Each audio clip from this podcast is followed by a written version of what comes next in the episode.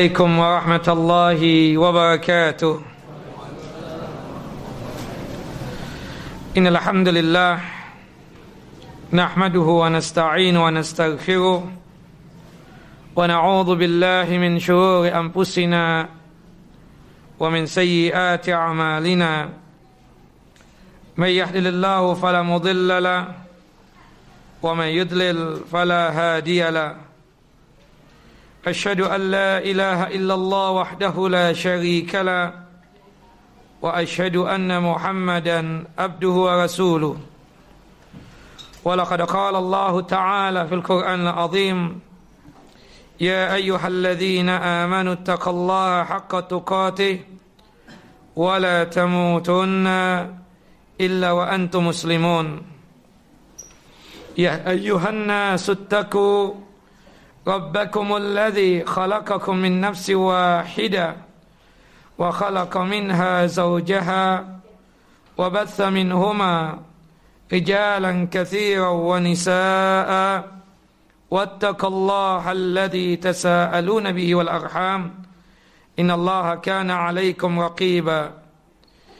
يا أيها الذين آمنوا اتقوا الله وقولوا قولا سديدا. يصلح لكم أعمالكم ويغفر لكم ذنوبكم ومن يطع الله ورسوله فقد فاز فوزا عظيما. أما بعد فإن أصدق الحديث كتاب الله وخير الهدى هدى محمد صلى الله عليه وسلم وشر الأمور محدثاتها وكل محدثة بدعة وكل بدعة ضلالة وكل دلالة في النار. إخواني وأخواتي في الدين أعازني وعزاكم الله. بابدا إبو يان دي علي الله جل جلاله melanjutkan mabahas kita dan kajian kita pembacaan kitab mausu'ah كتاب موسوعة المناهي الشرعية karya Syekh Salim bin Aid Al-Hilali yang di mana di dalam kitab ini berkaitan tentang masalah larangan-larangan yang tentunya tidak boleh untuk kita lakukan yang pastinya diharamkan. Pada kesempatan yang lalu kita sudah menyelesaikan pembahasan tentang larangan-larangan yang ada pada permasalahan atau pembahasan tentang tauhid atau masalah akidah. Kita masuk kepada bab yang selanjutnya yaitu berkaitan dengan manahi syariah ensiklopedi larangan menurut Al-Quran dan Sunnah berkaitan tentang masalah ilmu. Sebagaimana yang kita ketahui bersama bahwasanya menuntut ilmu din, ilmu agama adalah kewajiban bagi setiap kita baik kita yang laki-laki ataupun kita yang perempuan. Hal ini disebutkan di dalam hadis yang sahih. Qala Rasulullah sallallahu alaihi wasallam Rasulullah sallallahu alaihi wasallam bersabda, "Talabul ilmi fariidhatun ala kulli muslim." Menuntut ilmu din, ilmu agama adalah kewajiban bagi setiap muslim, baik dia yang laki ataupun dia yang perempuan. Bahkan dalam satu hadis yang derajatnya hasan artinya bisa diterima qala Rasulullah sallallahu alaihi wasallam Rasulullah sallallahu alaihi wasallam bersabda wailun liman la ya'lam. Sungguh sangat celaka orang yang tidak memiliki ilmu. Wa wailun liman ya'lam wa la ya'mal. Dan juga celaka orang yang punya ilmu tapi sayang tidak mengamalkan ilmunya. Wa wailun liman la ya'lam wa la ya'mal. Dan sungguh sangat celaka orang yang tidak ada ilmu dan berarti dia tersebut tidak ada amal. Nah, di sini tidak lain uh, mempertegas bahwasannya menuntut ilmu agama, ilmu din ini adalah kewajiban. Dan kita tidak boleh untuk berlepas diri dari menuntut ilmu din dan ilmu agama ini. Karena banyak sebagian orang kadang ketika diajak ke kajian atau majelis ilmu tidak mau dikarenakan kekhawatiran dan ketakutan dia. Takut kalau sekiranya sudah tahu ilmu tidak mengamalkan, ini mengakibatkan dia tambah bertumpuk dengan dosa dan maksiat. Kita kan katakan kepada dia, orang yang menghindar tidak mau untuk menuntut ilmu din dan ilmu agama, dosanya tersebut dua kali. Pertama dosa dikarenakan dia tersebut tidak mau memperdalam din Allah dan agama Allah Jalla wa ala. Yang kedua, dikarenakan dalam Islam ini ada tuntutan untuk beribadah dan beramal, tapi dia tersebut tidak di atas ilmu, maka dia pun juga berdosa. Makanya Rasulullah mengatakan, "Wailun liman la ya'mal liman la ya'lam wa la ya'mal. Celakalah orang yang tidak berilmu dan tentunya orang yang tidak berilmu tersebut ya tidak mengamalkan. Artinya tidak sanggup untuk beribadah secara benar dan tidak bakalan sanggup untuk beramal secara benar. Karena kita tahu bahwasannya apa yang kita lakukan ini semuanya akan dipertanggungjawabkan di hadapan Allahu Jalla wa Ala. Nah, Allah Jalla wa Ala dalam surah Al-Isra mengatakan, "Wala ta'fu ma laysa laka bi ilm." Janganlah kalian sekali-kali melakukan suatu hal, baik itu ucapan ataupun perbuatan tidak di atas ilmu. Kenapa? Inna sam'a wal basara wal fuada kullun ulaika kana anhu mas'ula. Sesungguhnya ya pendengaran kita penglihatan kita, kalbu kita ada pertanggungjawabannya di sisi Allahu Jalla wa ala.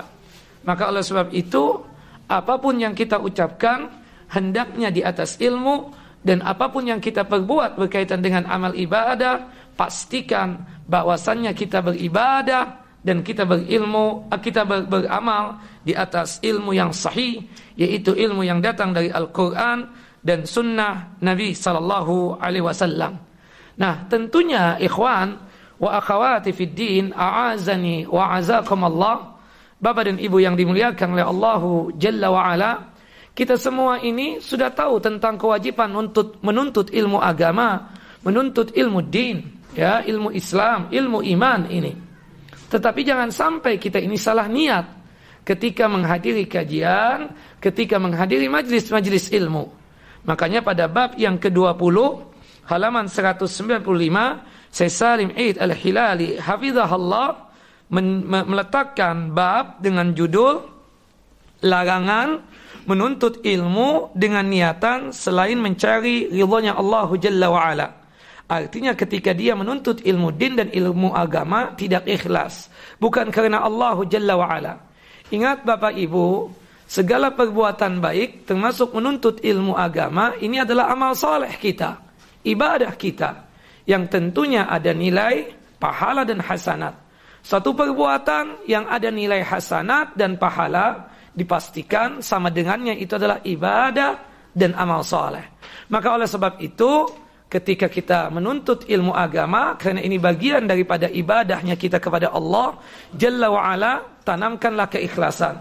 Allah Jalla wa ala berfirman di dalam surah Al-Bayyinah ayat yang kelima wa ma umiru illa liya'budallaha mukhlishina lahuddina hunafa. Tidaklah kita ini disuruh, diperintahkan termasuk menuntut ilmu din dan ilmu agama ini kecuali pastikan kondisi kita dan keadaan kalbu kita dan hati kita dalam kondisi ikhlas lillahi taala. Kita menuntut ilmu, hadir di majlis ilmu ini karena Allah Jalla wa ala. Semoga dengan kita hadir di kajian ini atau di majlis ilmu ini salah satu sebab Allah Jalla wa ala untuk memberikan rahmat dan kasih sayangnya kepada kita sehingga kita dimudahkan untuk masuk ke dalam jannah dan surganya tanpa ada prosesi hisab dan tanpa ada prosesi adab. Dan wal billah kalau sekiranya kita hadir ke majlis ilmu tapi niatan kita bukan karena Allah, bukan ikhlas, bukan mencari ridhonya Allah Jalla wa ala, bukan dikarenakan wajahnya Allah Jalla wa ala tapi dikarenakan sebagaimana disebutkan di dalam hadis Abu Hurairah radhiyallahu an hadis yang dikeluarkan oleh al-Imam uh, oleh al-Imam Ibnu Majah dan juga oleh al-Imam Ibnu Hibban rahimahumallahu rahmatan wasi'ah. Disebutkan dari hadis Abu Hurairah radhiyallahu an ya qala Rasulullah sallallahu alaihi wasallam Rasulullah sallallahu alaihi wasallam bersabda ya disebutkan juga di dalam hadis Jabir bin Abdullah radhiyallahu an ya. Qala Rasulullah sallallahu alaihi wasallam la ta'allamu al-ilma litubahu bihil ulama janganlah kalian menuntut ilmu agama dalam rangka bersikap sombong atau membanggakan diri di hadapan para ulama.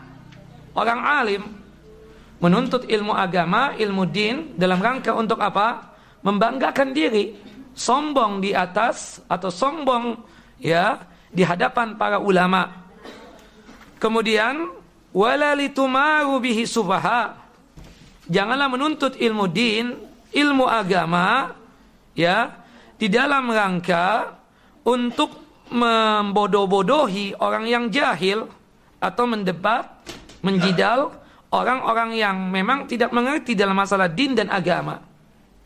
Dan juga wala tukhayyaru bihi al-majalisa dan janganlah engkau menuntut ilmu din, ilmu agama dalam rangka untuk memilih tempat terhormat di dalam satu majlis.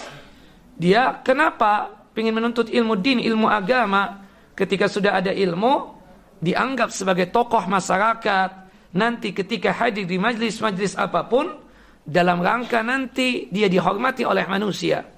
Artinya sudah bersikap ria dan sum'ah. Bukan karena Allah Jalla wa'ala menuntut ilmu agama tersebut. Kemudian Rasulullah mengatakan, Faman fa'ala dhalika fannaru fannar.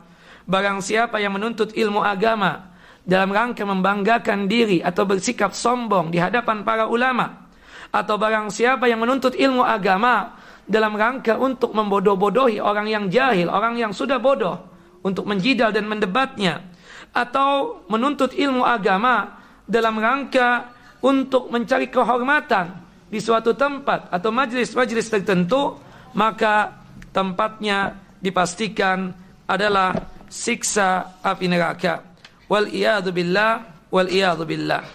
Dan itu disebutkan juga di dalam hadis yang dikeluarkan oleh uh, hadis dari sahabat yang mulia Abdullah uh, Abu Hurairah radhiyallahu an.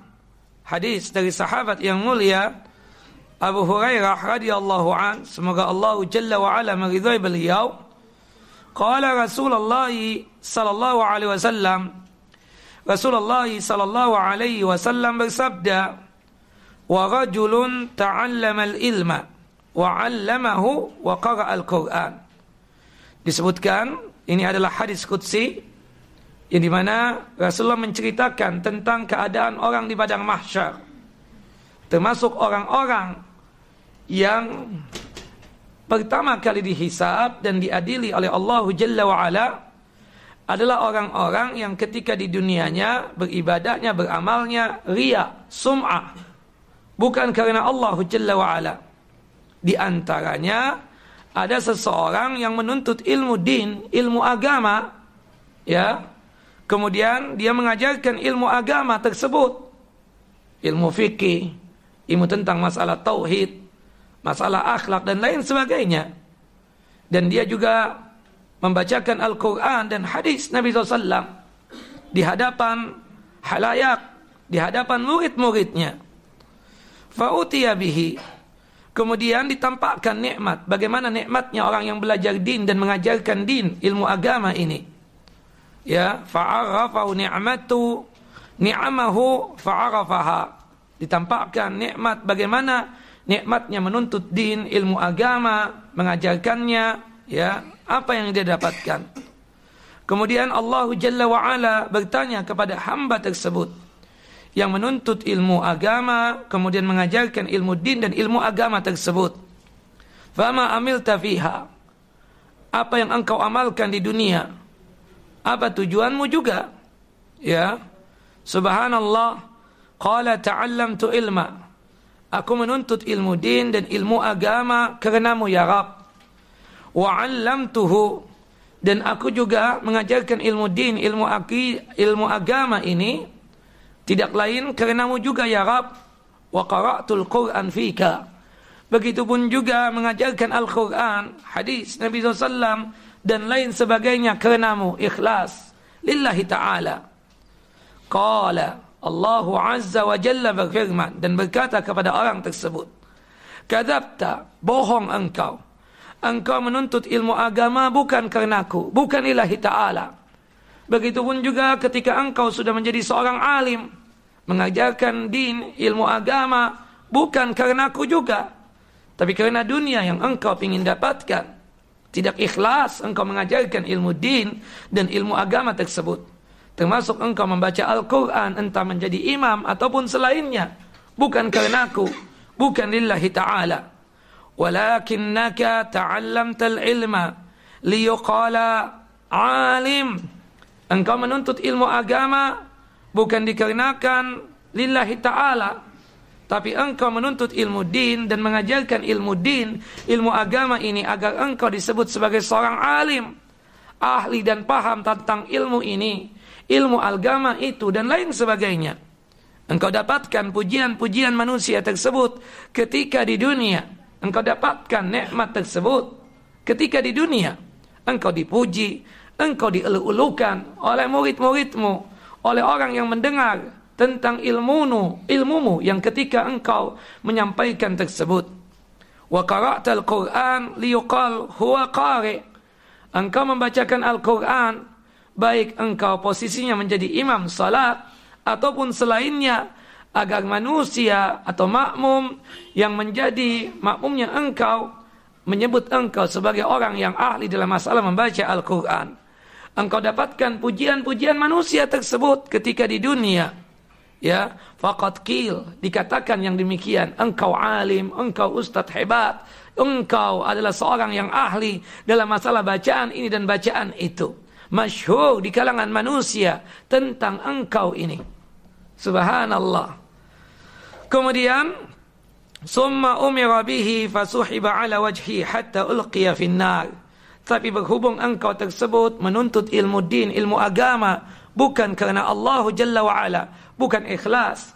Begitupun juga engkau menuntut ilmu agama, kemudian mengajarkan ilmu ini bukan karena aku, bukan karena Allah Jalla wa'ala, maka dipastikan engkau dilemparkan ke dalam siksa api neraka. Wal billah, wal billah. Orang tersebut diceritakan diseret, ya. Kemudian setelah diseret dilemparkan ke dalam siksa api neraka. Ya, wal billah. Di sinilah pentingnya tentang ilmu ikhlas ini. Subhanallah. Sahabat Abdullah ibnu Mas'udin radhiyallahu an pernah berkata kepada para sahabat-sahabat yang lain, "Kaifa antum? Waqad ulbistum fitnah yuhrimu fiha al-kabir wa yusibu fiha al-saghir wa tajri 'ala an-nas hatta idza jaa man yugha man yughiruha qabla hadha fitnatan wa hadha. Ya. Subhanallah diriwayatkan kata sahabat yang mulia Abu Abdurrahman Abdullah ibnu Mas'ud bagaimanakah keadaan kalian bila fitnah menimpa kalian hingga membuat beruban orang-orang yang tua atau orang-orang yang dewasa? Sehingga maaf sehingga membuat orang-orang yang muda itu beruban. Anak-anak kecil menjadi beruban menjadi tua dan sehingga membuat orang-orang tua menjadi muda ya yuhrimu fi hal kabir wa yusibu fi as-saghir subhanallah orang-orang yang tua yang dewasa membuat mereka tersebut bisa meninggal dunia. Kemudian orang-orang yang muda membuat mereka tersebut menjadi tua. Dalam riwayat yang lain disebutkan bahwasannya sebaliknya ya yang dewasa ya itu menjadi tambah uh, maaf yang muda membuat mereka tersebut menjadi dewasa dan tua dan orang-orang tua ya membuat orang-orang tua menjadi anak-anak muda. Itu perkataan daripada Abdullah bin Mas'ud menurut riwayat yang lain. Kemudian disebutkan orang-orang menjadikannya sebagai suatu sunnah, artinya menjadikan hal tersebut menjadi sesuatu uh, tempat mereka kembali kepada mereka tersebut. Ya. Dan bila dirubah serempak menjadi serempak mereka tersebut mengatakan sunnah telah dirubah. Sunnah telah berubah ketika dikatakan, kok bisa begini kalian keadaannya? Kenapa kok kalian ini cepat menjadi tua? Kok kalian ini seakan-akan ya menjadi orang yang jauh daripada ajaran Rasulullah sallallahu alaihi wasallam. Nah, kata Abu Abdurrahman, Abdullah bin Mas'ud, jika kalian mendapatkan kondisi yang seperti itu, fitnah yang sangat luar biasa, sampai-sampai orang yang tua banyak yang sudah meninggal dunia dalam riwayat yang lain, orang yang tua malah menjadi sok seperti orang yang muda. Yang muda menjadi orang yang seperti orang yang dewasa dan tua. Ketika kalian mendapatkan fitnah yang seperti ini bagaimana? Apa yang kalian sikapi seperti itu? Kemudian sahabat-sahabatnya Abdullah bin Mas'ud berkata, Ya Abdullah bin Abu, Ya Abdullah bin Mas'ud, Ya Abu Abdurrahman, Ya mata hadha, Kapankah ini bisa terjadi? Dan bagaimana sikap kita bila itu terjadi? Subhanallah. Qala Abdullah ibn Mas'ud berkata, jika para qari, para ahli fikih, ya melimpahkan jumlahnya, sedangkan masalah pemahaman fikihnya sedikit, atau bahkan pada waktu itu manusia yang paham betul-betul terhadap din dan agama ini sedikit. Tetapi Subhanallah, orang-orang yang apa ya, sok paham, sok mengerti, menganggap dirinya lebih alim, lebih mengerti. Sehingga memberikan fatwa-fatwa yang salah di dalam masalah din dan agama ini. Nah, maka itulah, maka sejak itulah fitnah itu terjadi. Dan jika pemimpin-pemimpin kalian bertaburan banyaknya, ya, sedangkan orang-orang yang amanat itu sangat sedikit. Itulah fitnah yang sangat luar biasa. Pemimpin kalian subhanallah yang amanah sedikit. Ya, yang jujur sedikit. Maka itu fitnah yang sangat luar biasa. Dan pada saat itu orang yang menuntut din, ilmu agama dan mengajarkan ilmu agama bukannya keikhlasan yang mereka cari, bukannya ridha Allah Jalla wa ala yang mereka cari, tapi malah amalan akhirat tujuannya untuk menggapai dunia untuk mendapatkan dunia. Maka di situlah nanti orang yang muda bisa cepat menjadi yang menjadi tua dan subhanallah dan membuat ya eh, apa sehingga membuat yang beruban orang-orang dewasa cepat untuk meninggal dunia seperti itu. Dan itu juga yang dikatakan oleh Umar bin Khattab ketika di dalam khutbahnya sebagaimana disebutkan oleh Sulaim bin Qais ya rahimahullah rahmatan wasi'ah. Ketika itu Umar bin Khattab berkhutbah, khutbah yang sangat luar biasa. Kata Umar bin Khattab, di akhir zaman kalian akan mendapatkan fitnah-fitnah yang sangat luar biasa. Kemudian Ali bin Abi Thalib berkata kepada Umar bin Khattab, "Ya Umar, kapan itu terjadi?" Wahai Amirul Mukminin, ya, fitnah yang sangat luar biasa yang kami alami, itu kapan terjadi? Kata Umar bin Khattab, jika orang-orang tidak lagi mendalami ilmu din dan ilmu agama. Orang tidak peduli lagi terhadap ilmu din dan ilmu agama, maka terjadilah zaman itu fitnah yang sangat luar biasa. Ada yang menuntut ilmu din, ilmu agama, tapi tujuannya tersebut bukan karena Allah, bukan ikhlas, tapi tujuannya tersebut tidak lain untuk mendapatkan keuntungan dunia. Wal billah di situlah menunjukkan bahwasannya kiamat sudah dekat. Kiamat tersebut sudah dekat. Nah ini makanya Abdullah bin Mas'ud berwanti-wanti bagaimanakah keadaan kalian bila fitnah menimpa kalian hingga membuat beruban orang-orang dewasa dan membuat tua anak-anak muda. Ya. Kaifa antum wa qad ulbistum fitnatan yuhrimu fiha al-kabir wa yusibu fiha as-sagir. Bagaimana keadaan kalian bila fitnah menimpa kalian sehingga membuat orang-orang yang beruban ya muda untuk menjadi dewasa dan membuat ya tua anak-anak muda yaitu ketika mereka tersebut meninggalkan tentang ilmu din dan ilmu agama Ada sebagian yang menuntut ilmu din dan ilmu agama, tapi tujuan mereka bukan karena Allah, bukan lillahi taala, bukan ikhlas, tapi tujuan mereka tidak lain untuk mendapatkan keuntungan dunia. Wal billah. Disebutkan di dalam hadis yang sahih. Hadis dari Abu Daud, ya, hadis yang dikeluarkan oleh Al-Imam Abu Daud dalam kitab Sunan beliau pada nomor hadis 3644 dan hadis ini juga dikeluarkan oleh Al-Imam Ibnu Majah dalam kitab Sunan beliau pada nomor hadis 2054. Dan hadis ini juga dikeluarkan oleh Imam Ahmad rahimahullah rahmatan wasi'ah dari hadis Abu Hurairah radhiyallahu an. Semoga Allah Jalla wa ala meridhai beliau.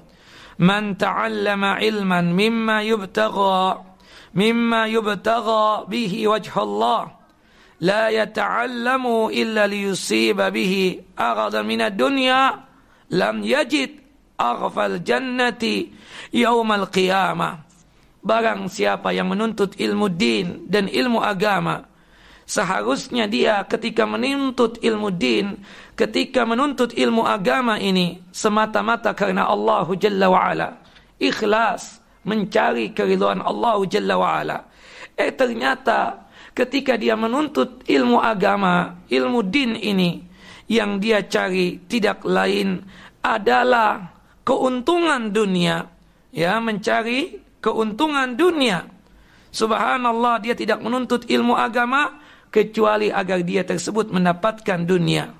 Orang yang seperti ini yang menuntut ilmu din, ilmu agama ini karena ingin mendapatkan keuntungan dunia atau ingin mendapatkan dunia maka dipastikan dia tersebut tidaklah mencium baunya surga pada hari kiamat kelak. Wal iyadu billah, wal iyadu billah. Nah, perkataan Abdullah ibnu Mas'ud itu sangat luar biasa. Nanti akan ada satu zaman yang di mana ya pada saat kalian mendapatkan fitnah yang sangat luar biasa, membuat ya beruban orang-orang dewasa dan membuat cepat tua anak-anak muda. Subhanallah. Di zaman itu terjadinya ketika orang yang menuntut ilmu din dan ilmu agama bukan karena Allah, bukan lillahi ta'ala, tapi dia menuntut din ilmu agama ini dikarenakan untuk mendapatkan dunia. Syekh Salim Al-Id Al-Hilali hafizahullah mengatakan di sini dalam bab ini ya yang pertama kita ketahui anjuran menuntut ilmu din dan ilmu agama tersebut secara ikhlas karena Allah Jalla wa ala bukan karena ingin mendapatkan dunia. Dan kalau seseorang menuntut ilmu din dan ilmu agama karena ria dan sum'ah maka kecelakaanlah yang dia dapatkan. Bahkan Rasulullah wasallam tadi menyebutkan di dalam hadis yang dikeluarkan oleh Al-Imam Ibnu Majah dan juga oleh Al-Imam Ibnu Hibban serta Imam Hakim maka nerakalah yang pantas buatnya. Ketika dia menuntut ilmu din ilmu agama bukan karena Allah Jalla wa ala bahkan mengajarkannya bukan karena Allah Jalla wa ala maka kata Nabi SAW faman fa'ala dhalika fannaru fannar orang yang menuntut ilmu agama karena dunia maka nerakalah yang pantas buat dia tersebut. Kemudian ria itu kata Syekh Salim hafizahullah melalui beberapa sisi terjadinya. Bisa jadi dari segi sisi pakaian. Misalnya dengan memakai pakaian yang sifatnya tersebut maaf ya seperti kusut atau compang camping untuk menampakkan seolah-olah dia tersebut sebagai orang yang juhud. Ya kita lihat orang-orang sufi itu, orang sufi itu sudah bau badan, bau pakaian. Kemudian menampakkan seperti orang-orang seakan-akan dia itu berpenampilan seperti orang yang zuhud. Zuhud itu kita katakan bukan berarti penampilan kita itu harus bau badan atau dalam kondisi compang camping pakaian kita ini lusuh ya kupuh dalam kondisi tidak rapi, bukan itu yang disebut dengan zuhud. Zuhud itu adalah ya seseorang ini perlu dengan dunia, tapi ketika dunia tersebut hilang dari sisinya, bukan berarti dia sedih yang sangat luar biasa. Seperti saya contohkan, kita perlu yang namanya liur. ludah, bukan begitu? Tapi kalau kita sudah ludahkan, apakah kita perlu jilat lagi ludah kita tersebut? Nah, kita sudah tinggalkan itu dunia. Dalam artian itulah sikap zuhud yang sebenarnya. Kita perlu dunia, kita perlu makan, kita perlu minum, kita perlu sehat, ya kan? Tetapi ketika hilang nikmat-nikmat tersebut, ya, bukan berarti kita tersebut apa? menjadi sedih yang sangat luar biasa, bahkan kita bersabar, kita kembalikan keadaan kita ini kepada Allah Jalla wa ala. Itulah yang disebut dengan zuhud, ya. Nah, orang-orang kadang menipu dengan penampilan kan? Subhanallah namanya pakaian ini kan cuma sekedar untuk menutupin aurat kita. Ya, jangan sampai sebab berpakaian menjadi sombong. Kemudian juga jangan sampai sebab pakaian ini kita tujuannya agar dipuji oleh manusia. Hati-hati. Yang demikian. Allah Jalla wa ala dalam satu hadis Nabi sallallahu mengatakan, "Inna Allah la yanzuru ila amwalikum wala ila suwarikum." Allah Jalla wa'ala tidaklah melihat harta-harta kalian dalam masalah beribadah, beramal, kena kaya atau kena fakir. Tidak. Dan Allah Jalla wa'ala tidaklah melihat bentuk badan dan rupa-rupa kalian. Kalian ganteng, kalian tidak ganteng, kalian cantik atau kalian tidak cantik. Tidak. Yang dilihat oleh Allah Jalla wa'ala walakin yanzuru ila kulubikum wa amalikum. Yang Allah Jalla wa'ala lihat itu adalah kalbu kita, hati kita. Ikhlas tidak dalam masalah beribadah. Ya, bukan karena pakaian. Termasuk masalah amalan. Sesuai tidak dengan tuntunan dan ajaran Nabi kita Muhammad sallallahu alaihi wasallam. Kadang ada sebagian orang yang dalam masalah penampilan berpakaian tujuannya itu untuk dipuji. Ya, Seakan-akan kalau penampilannya tersebut biasa seperti orang sufi tersebut kita katakan penampilan dengan penampilan seadanya bahkan condong menghinakan diri supaya nanti ada perasaan simpati dari manusia yang lain sehingga dipuji. Ya ini masya Allah nih orang dalam kondisi berpakaiannya ya biasa-biasa saja dan lain sebagainya. Nah bisa jadi ria itu datang dari sudut pandang pakaian bisa juga ria tersebut datangnya dari lisan, dari ucapan kita. Ya, yaitu dengan cara menghafalkan ayat-ayat atau hadis-hadis Nabi SAW atau asar-asar dari kalangan para sahabat, tabi'in dan tabi'ut tabi'in atau ungkapan-ungkapan dan perkataan-perkataan ulama untuk tujuan ya mengimbangi para ulama tersebut atau dalam rangka untuk mendebat, menjidal orang-orang yang sufaha, orang-orang yang jahil, orang-orang yang bodoh untuk merendahkan mereka dan menghinakan mereka. Nah, dapat juga dengan merendahkan suara dan melembutkannya ketika membaca Al-Qur'an untuk menunjukkan seolah-olah dia tersebut memiliki perasaan takut dan sedih ketika melewati ayat-ayat yang berkaitan tentang azab atau siksa misalnya. Tapi tangisannya itu dibuat-buat. Ya, bukan menangis dari hati. Kalau menangisnya itu dari hati, betul-betul memang dalam rangka untuk memikirkan ayat-ayat Allah atau hadis-hadis Nabi SAW, kemudian dia menangis, maka tidak mengapa yang demikian. Tapi kan kadang dibuat-buat, berdoa misalnya. Ya, subhanallah, kalau kita saksikan ini orang fusak, fasik, diajak berdoa oleh ustadz tertentu misalnya. Kemudian ustadz itu menangis dan membuat ini audien juga menangis. Seakan-akan seperti sinetron. Ya, ya seperti orang-orang yang sifatnya bermain sandiwara. Seperti menangis sejadi-jadinya. Habis selesai berdoa, cekakak cekikik lagi. Nah ini kan aneh kita katakan. Subhanallah bisa seperti itu. Berarti cuma sekedar pingin menarik perhatiannya manusia agar dia ketika berdoa dianggap seperti orang yang khusyuk dalam masalah berdoa. Seperti seakan-akan hati ini memang betul-betul hadir untuk Allah Jalla wa'ala. Seperti mengucapkan kata istighfar dan taubat, seakan-akan memang dia tersebut sebagai orang yang memang betul-betul ya menyerahkan diri kepada Allah ya dikarenakan berlumur dosa, makanya keluarlah tangisan tersebut. Nah, ini yang kita saksikan kadang lewat suara, Makanya di sini terutama untuk imam ya. Untuk imam ketika menjadi imam solat. Kita suara kebetulan ditakdirkan oleh Allah Jalla wa'ala dengan suara yang bagus. Nah kemudian kan ada manusia-manusia yang kadang mengagungkan kita dan memuji kita. Ya, setelah selesai kita menjadi imam sholat, masya Allah Ustadz, anak kalau menjadi makmumnya antum nih di masjid mana pun, itu seperti anak berada di masjidil haram. Antum ini seperti suaranya seperti Syekh Abdul Sudes, seperti Syekh Suud As-Surem, atau seperti Syekh-Syekh ini. Nah itu kan nggak sadar namanya manusia kalau dipuji kan senang saja. Kemudian terpikir oleh dia, Nah, kemudian ketika suatu hari dia melaksanakan sholat lagi, menjadi imam sholat lagi, kemudian ada orang-orang yang memuji dia tersebut, dia memantapkan suara dia agar pujian tersebut terus bertambah lagi. Wal billah. Ya, kadang seperti itu. Makanya hati-hati betul, jangan sampai kita tersebut nanti ketika dalam masalah satu ibadah, satu amalan, ya, kenapa ingin menjadi imam sholat, Kenapa ingin menjadi ustaz? Kenapa ingin menjadi sebagai orang yang juru dakwah? Kenapa? Maka tanamkan keikhlasan. Jangan sampai tidak ada keikhlasan sedikit jua pun.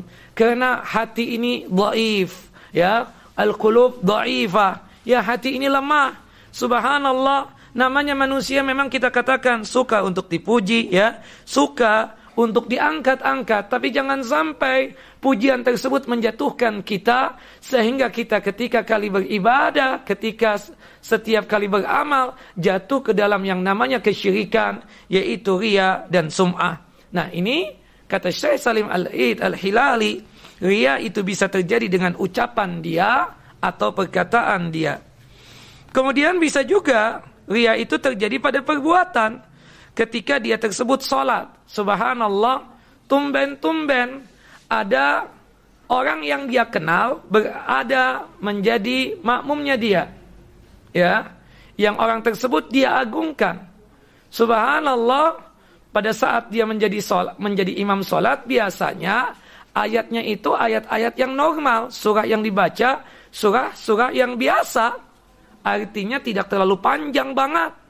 Tapi subhanallah ketika ada si fulan atau si fulana atau si allan atau si allana yang menjadi makmumnya salat, menjadi makmumnya dia ketika dia menjadi imam salat tersebut, dia panjangkan bacaan tersebut agar nanti ketika selesai salat dipuji oleh orang tersebut. Wal billah. Wal billah. Atau subhanallah dia tersebut kita tahu sangat susah untuk bersedekah, sangat suka susah untuk berinfak tapi ketika di hadapan halayak kaum muslimin, apalagi di hadapan para tokoh-tokoh masyarakat, yang di mana dia pingin dipuji, pingin diagungkan, maka pada saat berada di antara tokoh-tokoh masyarakat tersebut, begitu mudahnya dia tersebut berinfak dan bersedekah. Tujuannya tidak lain agar dipuji oleh tokoh-tokoh masyarakat tersebut. Padahal kita tahu setiap harinya dalam kondisi yang susah untuk mengeluarkan uang. Sampai dikatakan oleh pepatah ya, saking bakhilnya dan kikirnya, ya uangnya tersebut tidak pernah terkena sinar matahari. Ya, saking pelitnya dan susahnya untuk mengeluarkan uang dia tersebut. Tapi ketika di hadapan manusia, dia berbuat begitu mudahnya bersedekah dan berinfak. Apa tujuannya? Ria. Kemudian ya, termasuk juga ini bisa terjadi kata Syekh tentang masalah penyakit ria ini ya kalau dari sisi para tamu yang mengunjunginya dan teman-teman yang mengunjunginya yaitu ia meminta seorang ulama agar sudi mengunjunginya dengan tujuan supaya orang-orang mengatakan sesungguhnya ulama kondang itu telah mengunjungi sefulan sesungguhnya ahli ilmu sering mengunjunginya. Nah ini kan yang terjadi kadang Ustadz kadang dius dipakai ya untuk mengisi suatu tempat agar dianggap majlisnya itu majlis orang-orang yang masya Allah, tabarakallah. Ustadz namanya Ustadz kan diundang, kebetulan ada waktu untuk mengisi, dia datang. Tapi tidak secara tidak langsung si orang itu berniatan agar tempat majlis taklimnya atau kajiannya tersebut lebih terkenal, bukan begitu? Nah, kalau niatan seperti ini, ini niatan jatuh juga ke dalam hadis tadi kata Syekh Salim Al-Id Al-Hilali.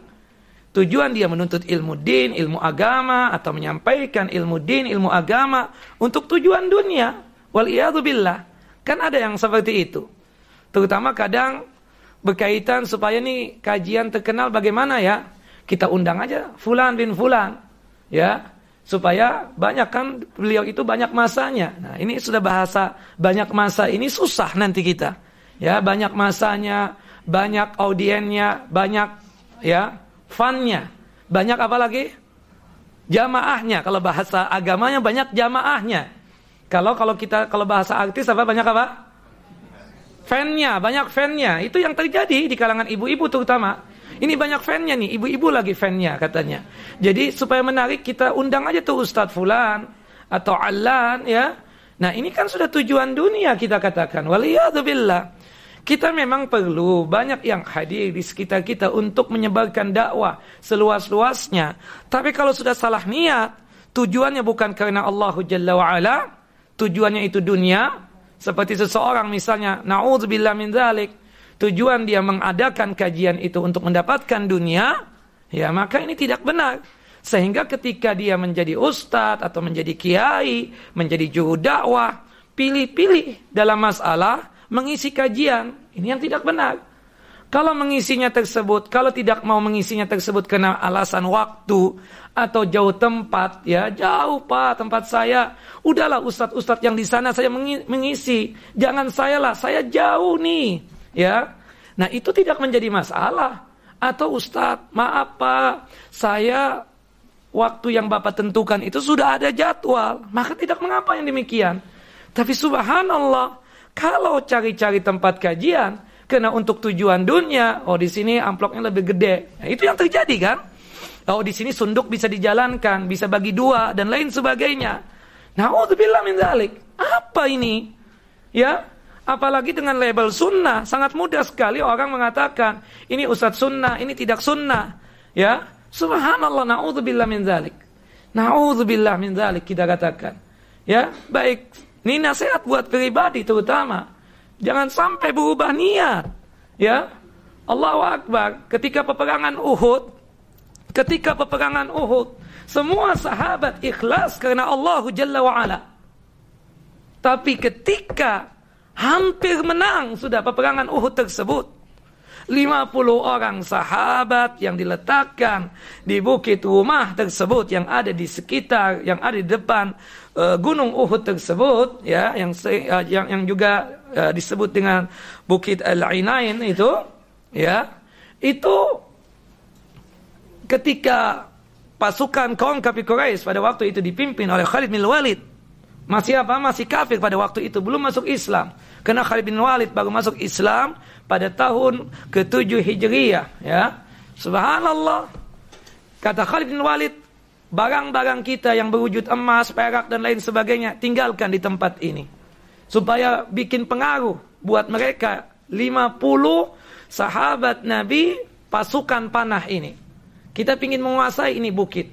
Ya, kita mundur, pura-pura mundur, nanti kita kuasai. Subhanallah. Rasulullah sudah berwanti-wanti kepada 50 orang sahabat ini yang dipimpin oleh sahabat yang mulia Abdullah bin Jubair radhiyallahu an. Jangan sampai kalian turun kata Nabi sallallahu alaihi wasallam dari bukit ini, ya. Dari bukit rumah ini jangan sampai turun. Ya, Bukit Al-Ainain, jangan sampai turun. Tolong hatta kalian mendapatkan kami sudah bersorak menang sekalipun Hatta kalian mendapatkan kami kalah, mati semua, jadi bangkai, bahkan dimakan oleh burung-burung pemangkan bangkai sekalipun. Jangan kalian turun dari bukit ini sampai ada perintah dariku. Tapi subhanallah, sebagian sahabat yang berada di bukit rumah ini ya mengatakan kita sudah menang. Ya, buktinya mereka menyerah dengan cara ya meletakkan barang-barang yang mereka punyai di bawah bukit rumah ini. Abdullah bin Jubair mengingatkan, ingat pesan Nabi SAW, jangan turun, jangan turun dari bukit ini. Tapi mereka tergoda. Nah, awalnya apa? Ikhlas karena Allah Jalla wa'ala. Kita tahu bahwasannya kita subhanallah awalnya niatnya ikhlas karena Allah Jalla wa'ala. Pak, saya bikin pesantren, saya ingin bikin pesantren. Ya, Ikhlas karena Allah Jalla wa'ala. Niat yang baik, niat yang tulus. Semua orang mendukung niat yang tulus tadi dia tersebut. Tapi ketika sudah berwujud pesantren besar, terkenal, berubah niat, ingin dikuasai, ya, ingin mendapatkan seluruhnya. karena sudah mendapatkan kenikmatan-kenikmatan dunia dari pesantren yang dia bangun tersebut. Atau mungkin berkaitan dengan suatu apa pun yang berkaitan tentang masalah dunia. Waliyadzubillah. Nah, mereka dimaafkan oleh Allah Jalla wa'ala. Para sahabat Nabi yang berada di bukit rumah tersebut sudah dimaafkan oleh Allah Jalla wa'ala. Tapi ternyata dalam perjalanan itu bisa berubah niat iya. Kalau kita tadinya biasa-biasa saja.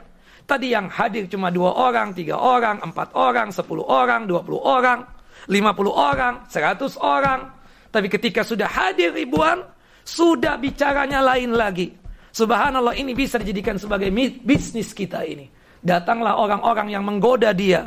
Dengan bikin inilah, bikin itulah, dan lain sebagainya. Niatnya tulus karena Allah Jalla wa'ala awal mulanya dalam masalah berdakwah. Tapi dikenakan godaan-godaan dunia ini. Membuat dia tersebut luluh Subhanallah, masa saya datang cuma sekian saya dikasih, jamaah saya kan banyak. Nauzubillah min dzalik. La ilaha illallah. Sudah berubah niat lagi, berubah niat. Makanya hati-hati yang demikian. Hati-hati. Subhanallah apalagi kita sebagai juru dakwah. Sebagai da'i ilallah. Kita berdakwah ini bukan cari uang.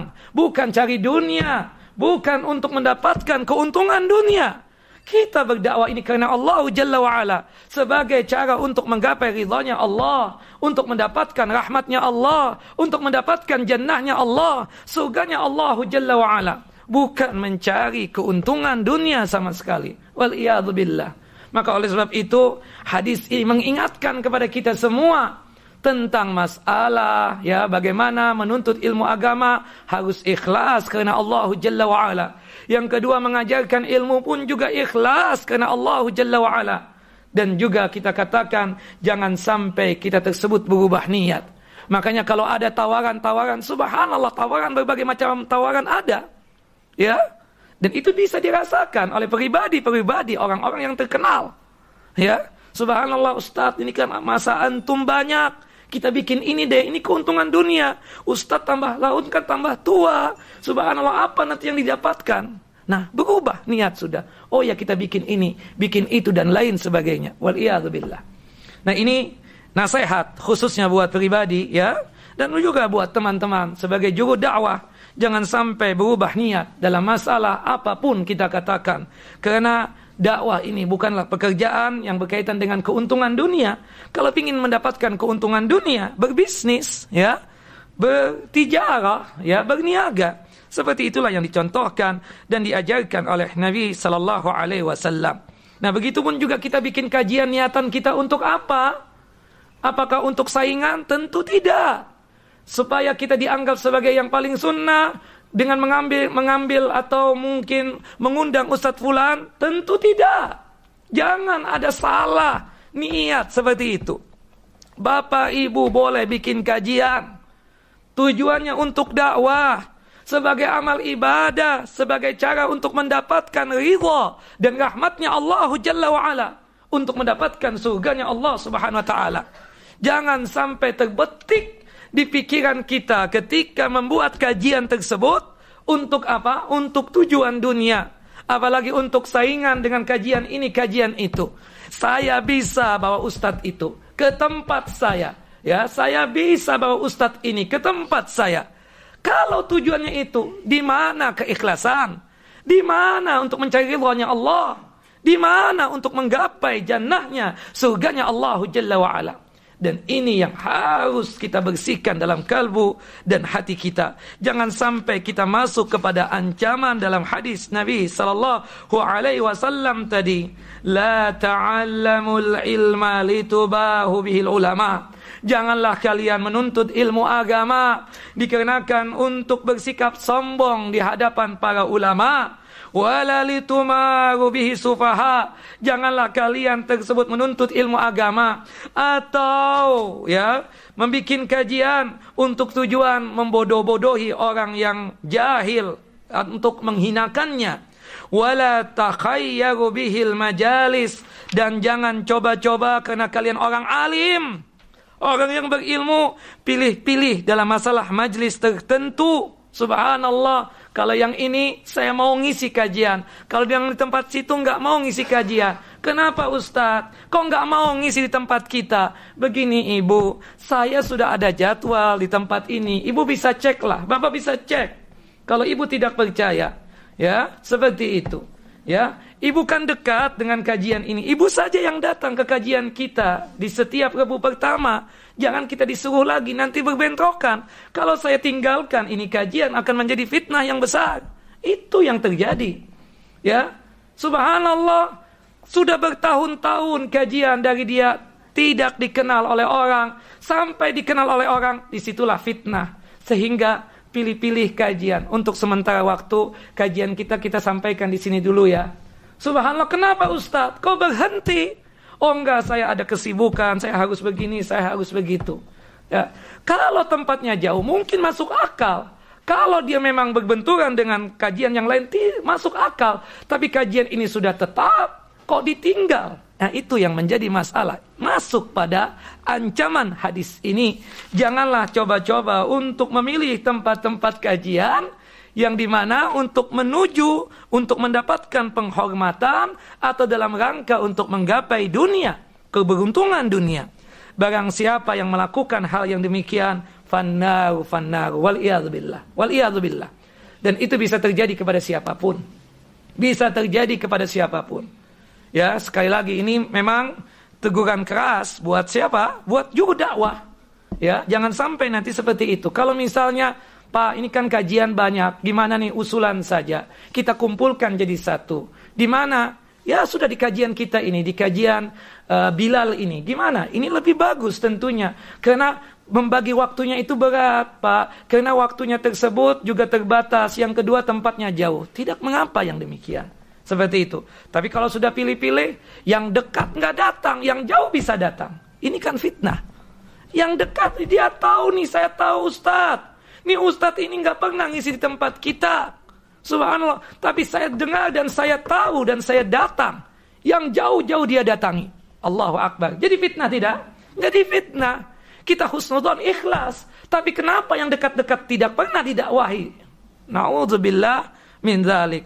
Nah, Di sinilah yang ingin diungkapkan oleh Syekh Salim Al-Aid Al-Hilali dalam kitabnya ini. Wallahu a'lamu bisawab. Kemudian yang kedua, beliau mengatakan, barang siapa yang melakukan hal tersebut, Nabi SAW mengatakan, maksudnya apa? Maka orang yang tadi menuntut ilmu agama, ya, untuk tujuan menggapai dunia, atau yang mengajarkan ilmu din, ilmu agama untuk tujuan dunia, untuk mencari keberuntungan dunia maka atau api neraka yang dia dapatkan. Dalam hadis yang lain disebutkan dia tidak mencium baunya surga. Dia tidak mencium baunya surga. Artinya orang yang menuntut ilmu agama untuk tujuan dunia maka muka Allah akan dia dapatkan.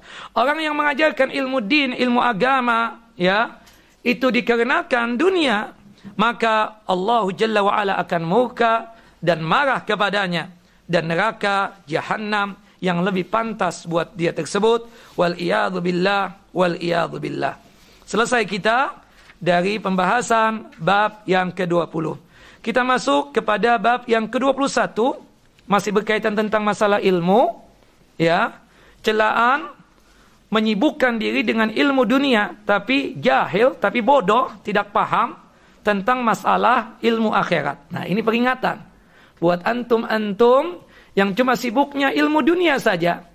Tapi ilmu din, ilmu agama itu dikesampingkan. Sampai kita melihat ada orang kan profesor, profesor dalam ilmu dunia, tapi ilmu agama nol besar. Wal billah, ya kan? Wal billah. Profesor nih Ustadz, tapi masih percaya dengan dukun, masih percaya dengan paranormal, masih suka datang ke kuburan mencari wangsit, bertawasul dengan ahli kubur. Nah berarti apa? Ilmu dinnya nggak ada, nol besar kita katakan, ya nol besar seperti itu. Nah ini ancaman bagi mereka yang lebih suka menyibukkan diri dengan ilmu dunia dan menyampingkan ilmu akhirat. Allah Jalla wa'ala berfirman di dalam surah Ar-Rum, surah yang ke-30, ayat yang ke-6 sampai ayat yang ke-7 walakinna aktsaran nasi la ya'lamun ya tetapi kebanyakan manusia tersebut tidak mengetahuinya ya'lamuna zahiran minal hayati dunya. Mereka itu mengetahui tentang lahir kehidupan dunia ini, tentang sesuatu yang nampak tentang kehidupan dunia ini. Mereka tahu tentang masalah ilmu dunia, tahu ya tentang ilmu dunia.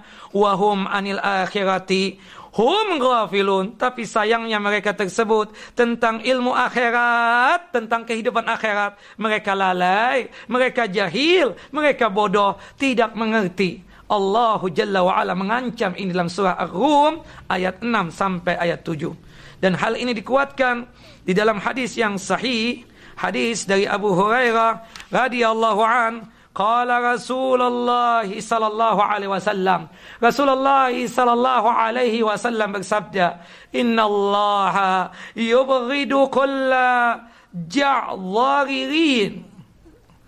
Inna Allah yubghidu kulla ja'dhariyin jawadin sakhabin bil aswaq jifatin bil laili alimin bi amri dunya jahilin bi amri akhirah. Sesungguhnya Allah Jalla wa ala murka dan benci kepada setiap orang yang kasar lagi angkuh dan sombong kemudian rakus ya lagi kikir yang di mana mereka tersebut sukanya ya mencari sesuatu di pasar-pasar. Maksudnya ya sombong, angkuh, kasar, rakus, tomak terhadap kehidupan dunia ini. Yang mereka tersebut di malam hari menjadi bangkai. Malam hari apa? Menjadi bangkai. Maksudnya disebutkan oleh Nabi SAW kenapa disebutkan bangkai? Mereka tersebut di malam hari karena ia bekerja sepanjang hari untuk mengejar dunia. Ya ketika dunia didapatkan dia kikir. Dan dia tomak dan rakus terhadap kehidupan dunia ini. Jika malam hari tiba mereka tidur sepanjang malam. Nggak melakukan qiyamul lail tahajud. Ya ingat kepada Allah Jalla wa ala maka mereka ini pergi seperti bangkai di malam hari. Pagi hari dari subuh sampai maghrib. Dunia, dunia saja yang dikejar. Subhanallah. Ya, malam hari kena capek lelah, langsung tidur. Ya, Allahu Akbar. Percis mereka itu seperti bangkai. Kata Nabi Sallallahu Alaihi Wasallam. Bapak boleh cari dunia, bukan terlarang. Tapi jangan sampai melupakan kewajiban Bapak sebagai hamba Allah Jalla wa'ala. Datang waktunya solat, solat. Ada kesempatan untuk mengaji, mengaji. Ada kesempatan untuk berzikir, berzikir. Dan malam hari pun juga jangan cuma diisi dengan tidur saja. Jadikanlah malam hari untuk bermunajat kepada Allah Jalla wa'ala. Hidupkan malam dengan ibadah salat malam. Ustaz, saya tidak bisa untuk bangun jam 2 dan jam 3. Atau mungkin di tengah malam atau sepertiga malam. Paling tidak Bapak habis salat isya terutama tepatnya habis ba'diyah isya mengerjakan tahajudnya dan itu sudah waktunya. Supaya kita ini betul-betul tidak menjadi apa? Dianggap bangkai oleh Allah Jalla wa ala. Kenapa mereka dianggap bangkai? Alimin bi amri dunia. Mereka ini dalam masalah ilmu dunia, perkara dunia, alim, lihai, mengerti, paham, tapi jahilin bi amril akhirah. Tapi kalau ilmu akhirat, tentang masalah din agama jahil, bodoh, ya. Jahilnya muwakkab lagi, bertingkat-tingkat. Wal billah. Dan ini ancaman daripada Nabi sallallahu alaihi wasallam. Nah, dalam hadis ini kata beliau, Syekh Salim Al-Id Al-Hilali ya, menguasai ilmu dunia saja merupakan salah, salah satu bentuk kejahilan. Ya, kalau orang cuma paham ilmu dunia saja, ini salah satu bentuk kebodohan. Namun kebanyakan manusia tersebut tidak paham, tidak mengerti bahwasanya ini adalah satu kebodohan. Makanya subhanallah kadang kita mendapatkan orang-orang yang alim mengerti tentang masalah dunia, ngerti tentang hitungan ini, ngerti tentang masalah ini, ngerti masalah itu, tapi semuanya dunia. Tidak pernah ada akhirat yang dia omongkan. Ya, orang yang cuma ilmu dunia saja yang paham, mengerti, berarti kebodohan buat dia. Karena akhirat dia kesampingkan. Ya, meskipun kita katakan secara lahiriah, ya, secara zahirnya mereka itu tampak seperti orang alim. ya keren, penampilan bagus, berpikirnya luar biasa. Tapi maaf-maaf, ya, ternyata ketika diperiksa dalam dirinya tersebut akal pikirannya sangat jauh daripada ilmu din dan ilmu agama. Nah, sebenarnya ya, ilmu mereka yang tadi cuma dunia saja dangkal, ya, kering. Karena hanya berkaitan dengan perkara lahiriah saja, dunia saja. Ya, tapi akhirat mereka tinggalkan. Ini yang jangan sampai kita lakukan.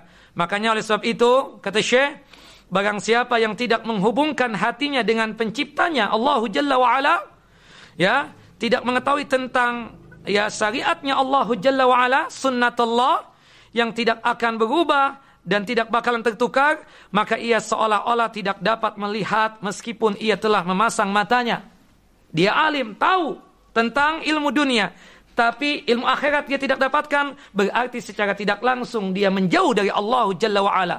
Meskipun dia tersebut punya mata, tapi tidak pernah sanggup untuk melihat kebenaran yang hak. Meskipun mereka itu telinganya tersebut sehat walafiat, tapi tidak sanggup untuk mendengar kebaikan-kebaikan tersebut.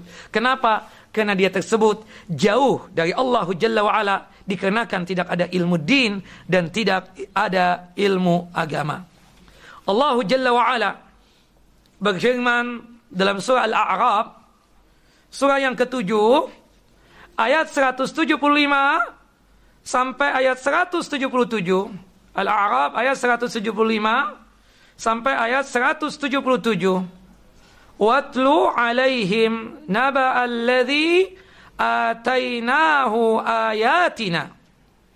Dan bacakanlah wahai Muhammad kepada mereka berita orang yang telah kami berikan ayat-ayat kami kepadanya. Di antaranya fansalakha minha fa'atba'ahu syaitanu fakana minal ghawin di antaranya adalah Allah Jalla wa ala bercerita ya kemudian dia melepaskan diri dari ayat-ayat Allah. Ada orang-orang yang tidak peduli dengan ayat-ayat Allah Jalla wa ala kami telah berikan tentang ayat-ayat kami kepada mereka. Tapi mereka tidak mau berpikir, tidak mau untuk menuntut ilmu din dan ilmu agama. Pada akhirnya apa yang terjadi? Mereka diikuti oleh syaitan dan syaitan ya menggoda mereka sehingga membuat mereka itu menjadi orang-orang yang sesat. Karena cuma sibuk dengan ilmu dunia, ilmu akhirat dikesampingkan, maka sangat mudah untuk terjatuh ke dalam kekufuran, kefasikan. Karena syaitan sangat mudah untuk menggoda orang yang jahil dalam ilmu dunia. Walau syi'na la rafa'nahu biha walakinnahu akhlada ila al-ardi wattaba'a hawa. Nah, dan sekiranya kami menghendaki ya jika sekiranya kami menghendaki niscaya kami bisa saja tinggikan derajat mereka dengan ayat-ayat itu atau dengan ayat-ayat yang kami anugerahkan kepada mereka tetapi mereka tersebut cenderung kepada kehidupan dunia. Mereka mengira bahwasanya kehidupan dunia adalah kekal abadi. Dan mereka lebih suka mengikuti hawa nafsu mereka. Sehingga dunia mereka dapatkan. Tapi ilmu akhirat mereka abaikan. Disinilah membuat mereka itu celaka. Permisalan mereka sebagaimana apa? Kata Allah, فَمَثَلُهُ كَمَثَلِ الْكَلْبِ إِن تَحْمِلْ عَلَيْهِ يَلْحَثْ au tatrukhu yalhas. Allahu Akbar. Permisalan mereka orang-orang yang cuma sibuknya dengan ilmu dunia, sibuknya dengan gelomornya dunia, tapi mengabaikan akhirat, mengabaikan ilmu din. Maka perumpamaan mereka itu seperti anjing. Jika kamu menghalau mereka, maka anjing tersebut, jika engkau menghalau anjing, maka anjing tersebut menjulurkan lidahnya jika kamu membiarkan anjing tersebut lewat, tidak engkau halau, dia pun juga tetap menjulurkan lidahnya. Ini gambaran mereka-mereka yang sibuk dengan dunia, sibuk dengan ilmu dunia tapi mengabaikan akhirat, mengabaikan tentang din dan agama. Ya. Mereka tersebut hinanya seperti anjing tersebut. Dzalika masalul qaumil ladzina kadzdzabu biayatina. Seperti itulah permisalan orang-orang yang mendustakan ayat-ayat kami faqsusil qasasa la'allahum yatafakkarun. Maka tolong cermatilah ayat-ayat ini tentang kisah-kisah ini agar kalian menjadi orang-orang yang berpikir. Jangan sampai terhina di muka bumi ini. Sa'a masalanil qaumul ladzina bi ayatina wa anfusahum kanu yadlimun. Ya, mereka tersebut sangat buruk perumpamaannya buat mereka itu. Kenapa? Karena mereka itu mendustakan ayat-ayat kami. Mereka sibuk dengan dunia tapi mengabaikan akhirat sibuk dengan ilmu dunia, tapi menyampingkan ilmu akhirat. Mereka itu punya perumpamaan yang sangat buruk dikarenakan mereka pada ujungnya mendustakan ayat-ayat kami dan mereka itu adalah orang yang zalim kepada diri sendiri. Kata para ulama tafsir, ayat ini telah menurun apa yang telah diturunkan oleh Allah Jalla wa ala. Peringatan buat manusia semuanya. Yang di mana Allah Jalla wa ala telah mencurahkan karunia, nikmatnya kepada mereka mendapatkan dunia, ya, mendapatkan ilmu yang di mana tidak semua orang mendapatkan kesempatan sebagai mereka. Sebagaimana mereka berkaitan dengan ilmu-ilmu dunia tersebut. Ya, Allah mengangkat derajat mereka di dunia ini dengan ilmu-ilmu tersebut. Tapi sayang, mereka tersebut mengabaikan tentang ilmu akhirat, ilmu din, ilmu agama. Mereka tersebut sangat jauh dari penciptanya Al-Khaliq Allahu Jalla wa ala. Ya, sangat jauh untuk melakukan hubungan dengan Allahu Jalla wa ala. Dikarenakan apa? Karena kesibukan mereka terhadap ilmu dunia dan tidak memperdulikan tentang akhirat, ya, tentang ilmu agama dan ilmu din ini. Kemudian, ya, dikenakan sibuknya mereka dengan kehidupan dunia ini, maka Allahu Jalla wa ala memperumpamakan perumpamaan yang sangat buruk buruk sekali seperti seekor anjing yang menjulurkan lidahnya. Nah, coba kita renungkan kata Syekh ya, yang bisa kita petik dari perumpamaan ini ya, tidak lain sebab hal seperti itu acap kali terjadi. Betapa seringnya kejadian seperti itu berulang-ulang dalam kehidupan manusia. Berapa banyaknya orang yang dianugerahkan keutamaan di dunia ini berkaitan dengan kekayaan, tentang ilmu dunia, diberikan kesempatan emas untuk mendapatkan petunjuk-petunjuk Allah Jalla wa'ala dengan ilmu dunia yang Allah Jalla wa'ala anugerahkan kepadanya. Kita lihat Korun. Korun ini orang yang ahli ibadah tadinya. Tapi karena ilmu dunia, ya, menjerumuskan dia ke dalam kekufuran kepada Allah Jalla wa'ala. Seperti itu. Nah, mereka justru memanfaatkan ilmu sebagai wasilah untuk menyelewengkan kalimat-kalimat Allah. Untuk menyelewengkan apa yang Allah maksudkan dari sebenarnya. Kenapa? Karena mereka itu lebih suka mengikuti hawa nafsu mereka dalam memahami ayat-ayat Allah Jalla wa'ala. Dan itu terjadi. Orang yang seharusnya tidak dianggap ustadz, kiai, juru dakwah, menjadi juru dakwah. Na'udzubillah min dhalik. Padahal mereka itu cuma ahli dalam masalah apa? Dunia saja. Akhirnya apa yang terjadi? Memahami tentang ayat-ayat Allah, tentang hadis-hadis Rasulullah SAW dengan hawa nafsu mereka. Seperti inilah perumpamaan mereka tersebut seperti seekor anjing yang cuma sekedar menjulurkan lidahnya tersebut. Dan kita lihat mereka itu lebih berkhidmat kepada apa? Togut-togut. Kepada para togut-togut dan memalingkan kalimat tersebut dari maksud yang sebenarnya yang diinginkan oleh Allahu Jalla wa ala dengan mengeluarkan fatwa-fatwa sesuai dengan keinginan hawa nafsu mereka. Wal billah. Dan mereka pun tidak mau untuk mengikat diri mereka dengan Quran dan sunnah. Bahkan mereka menjauhkan diri mereka dengan ajaran Quran dan sunnah Nabi sallallahu alaihi wasallam. Allahu Jalla wa ala tadi mengatakan walau syi'na la rafa'nahu biha. Jika kami menginginkan, kami bisa mengangkat derajat mereka dengan ilmu yang Allah anugerahkan kepada mereka. Tapi mereka menyelewengkan ilmu yang Allah berikan kepada mereka. Lebih fokus terhadap dunianya dan mengabaikan akhiratnya. Walakinnau akhlada ilal ardi wattaba'a hawa. Tapi apa yang terjadi dengan mereka tersebut? Ilmu yang Allah anugerahkan kepada mereka mereka lebih condong untuk mendapatkan dunia dan mengikuti hawa nafsu mereka. Penjelasannya dari ayat ini, mereka dianggap seperti seekor anjing yang menjulurkan lidahnya. Kalian cegah, tetap menjulurkan lidah. Maksudnya seperti orang menghinakan. Kita cegah, Pak, jangan begitu, Pak. Haram yang demikian. Menghinakan kita. Kita nggak cegah juga, kita biarkan. Nggak kita hawil, kita cuekan. Kita cuekin nih orang. Tetap saja menghinakan kita. Ya, menghinakan syariat, menghinakan Al-Quran dan sunnah Nabi SAW. Nah, makanya dikatakan mereka yang seperti itu seperti seekor anjing yang menjulurkan lidahnya. Nah, kita tahu bahwasannya dunia ini kan adalah bangkai kata Nabi SAW dan kita tahu yang mengejarnya mengejar dunia subhanallah dipermisalkan oleh Nabi SAW subhanallah kita perlu dengan dunia tapi jangan kelewat batas mengejar dunia pada ujungnya nanti apa menafikan akhirat naudzubillah min dzalik kita perlu makan, saya bilang. Kita perlu minum. Kita perlu rumah. Dan lain sebagainya. Tetapi jangan sampai dunia di nomor satukan. Sehingga pada akhirnya, subhanallah mengenyampingkan akhirat. Orang yang cuma tujuannya dunia dan mengenyampingkan akhirat, dunia ini diistilahkan oleh Nabi ad-dunya jifatun. Dunia ini adalah bangkai.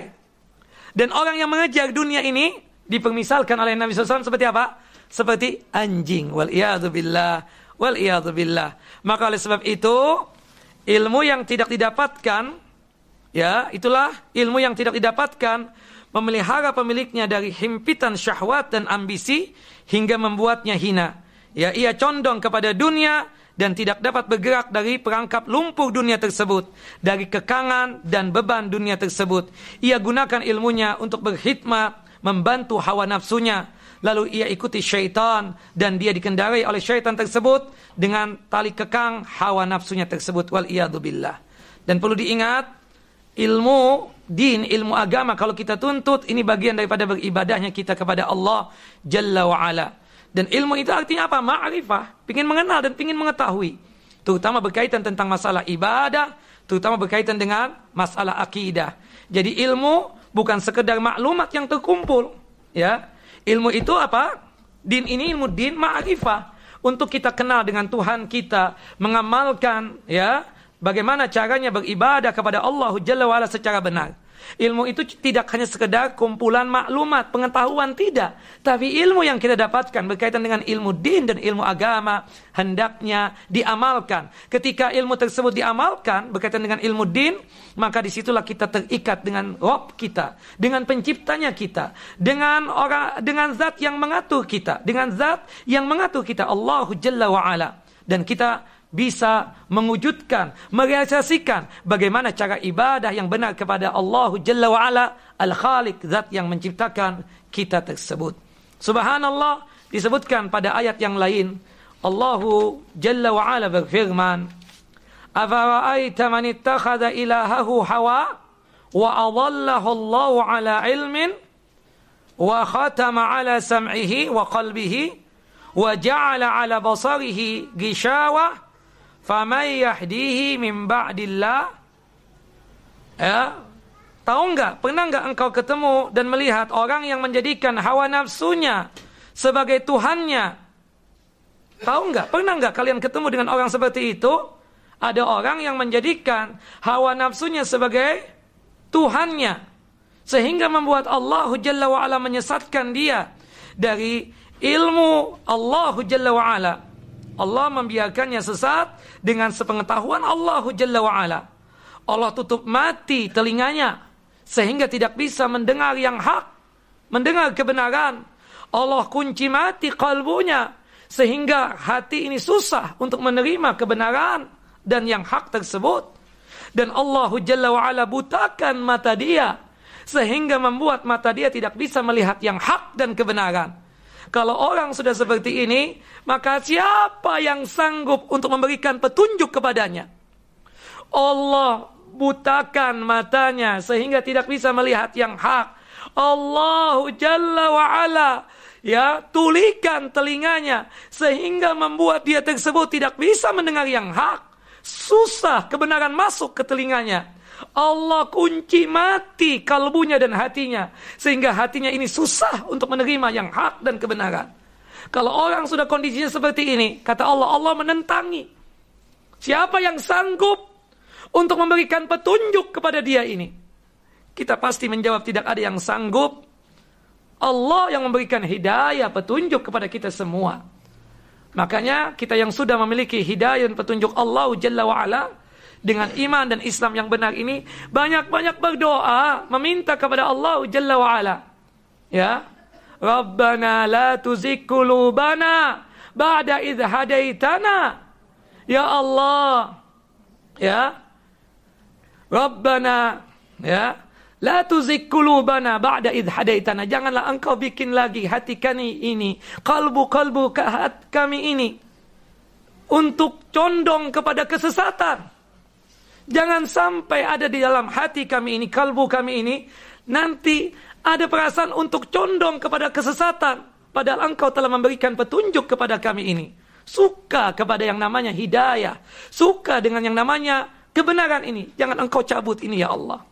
Dan salah satu doa yang diajarkan oleh Nabi SAW kepada ibunda Aisyah dan juga kepada ibunda Ummu Salamah adalah ya mukallibal qulub sabbit qalbi ala dinik. Ya, wahai zat yaitu Allah Jalla wa ala, zat yang membolak-balikkan kalbunya manusia. Yang dimana Allah Jalla wa ala membolak-balikkan hati atau kalbunya manusia dengan jari jemari tangannya Allah Jalla wa ala. Tangannya Allah, jari jemarinya Allah sesuai dengan kebesaran dan keagungan Allah Jalla wa'ala yang membolak-balikan sesuai dengan keinginan Allah. Allah bisa bikin orang itu mendapatkan petunjuk, menjadi orang yang benar. Allah Jalla wa'ala bisa jadi menyesatkan dia. Ya, bisa jadi seperti itu. Tapi kita minta kepada Allah Jalla wa'ala, Ya mukallibal qulub, sabbit qalbi ala dinik. Ya Allah tetapkanlah hati ini ya selalu berada di atas agamamu ya di dalam ketaatan kepadamu di atas iman kepadamu ya Rabb itu permintaan kita kepada Allahu Jalla wa ala. Seperti itu. Jangan sampai nanti dicap oleh Allah Subhanahu wa taala sebagaimana yang Allah Jalla wa ala sebutkan di dalam surah Al-Jathiyah, surah yang ke-45 sam ayat 23 sampai 24. Ya. Kemudian selanjutnya ikhwan wa akhawati fid din a'azani wa Allah ya dengan kita menuntut ilmu din dan perhatian terhadap ilmu din maka membuat kita ini kembali kepada Allah dan pastinya akan takut kepada Allahu Jalla wa ala. Allah Jalla wa ala mengatakan dalam surah Fatir surah yang ke-35 ayat 28 Innama yakhshallaha min ibadihil ulama. Di antara hamba-hamba Allah yang paling takut kepadanya hanyalah para ulama kita pingin diri kita ini menjadi hamba-hamba Allah yang dipuji oleh Allah Jalla wa'ala. Bagaimana caranya? Dengan menuntut ilmu din dan ilmu agama. Dengan menuntut ilmu din, ilmu agama, kita tahu yang mana yang halal, yang mana yang haram, dan kita jalankan hal yang demikian. Maka membuat kita tersebut menjadi orang yang selalu kembali kepada Allah Jalla wa ala. Berjalannya kita selalu di atas syariatnya Allah, di atas jalannya Allah, di atas relnya Allah Jalla wa ala. Ketika ingin melakukan satu perbuatan maksiat, kita tahu ini maksiat dan dosa, kita tinggalkan dikenakan takutnya kita akan adab Allah Jalla wa ala. Dan orang yang takut tersebut dikenakan apa? Sebelumnya ada ilmu din dan ada ilmu agama. Maka oleh sebab itu ikhwanu fid din wa akhawati fid din a'azani wa azakum Allah. Jangan bosan-bosan untuk menuntut ilmu din dan ilmu agama ini. Dengan adanya ilmu maka dipastikan dipastikan keimanan kita akan bertambah dan kalau keimanan kita bertambah pastinya ketaatan kita kepada Allah untuk melakukan amal saleh juga bertambah. Seperti itulah yang berkaitan tentang apa yang Allah Jalla wa ala perintahkan kepada kita dan apa yang dituntunkan oleh Nabi kita Muhammad sallallahu alaihi wasallam. Sekali lagi kita katakan jangan sampai sibuknya kita dengan dunia mengakibatkan kita mengabaikan akhirat. Kita perlu dengan dunia, bukannya tidak perlu, tetapi kita katakan jangan sampai berlebih-lebihan sehingga membuat kita menyampingkan menyampingkan ilmu din atau ilmu akhirat. Wallahu a'lamu bisawab. Selesai kita dari bab yang ke-21 ini. InsyaAllah bulan depan kita akan lanjutkan bab yang ke-22. Baik, ada pertanyaan? 20 menit lagi?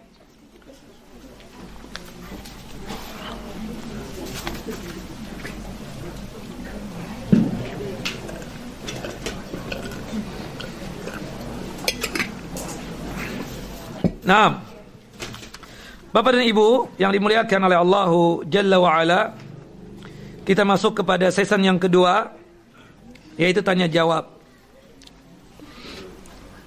Ustadz, kalau kita sudah salat duha empat rakaat jam 8 pagi tadi, lalu kita mau salat duha lagi jam 11 boleh tidak? Boleh.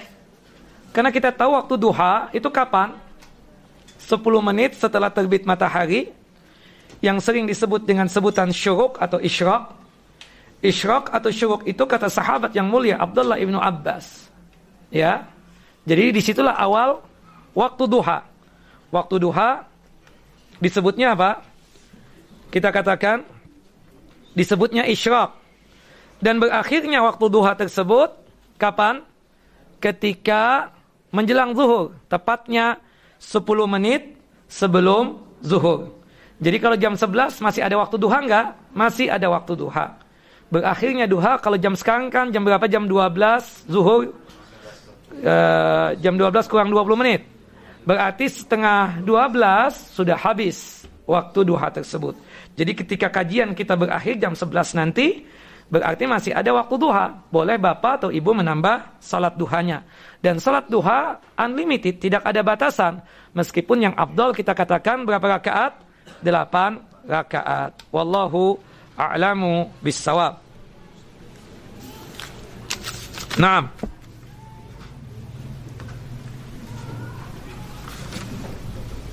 Baik.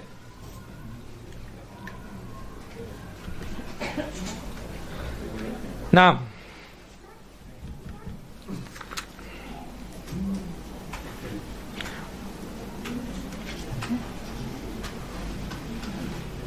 Ustadz boleh nggak masuk apa ini keluar masuk pemakaman?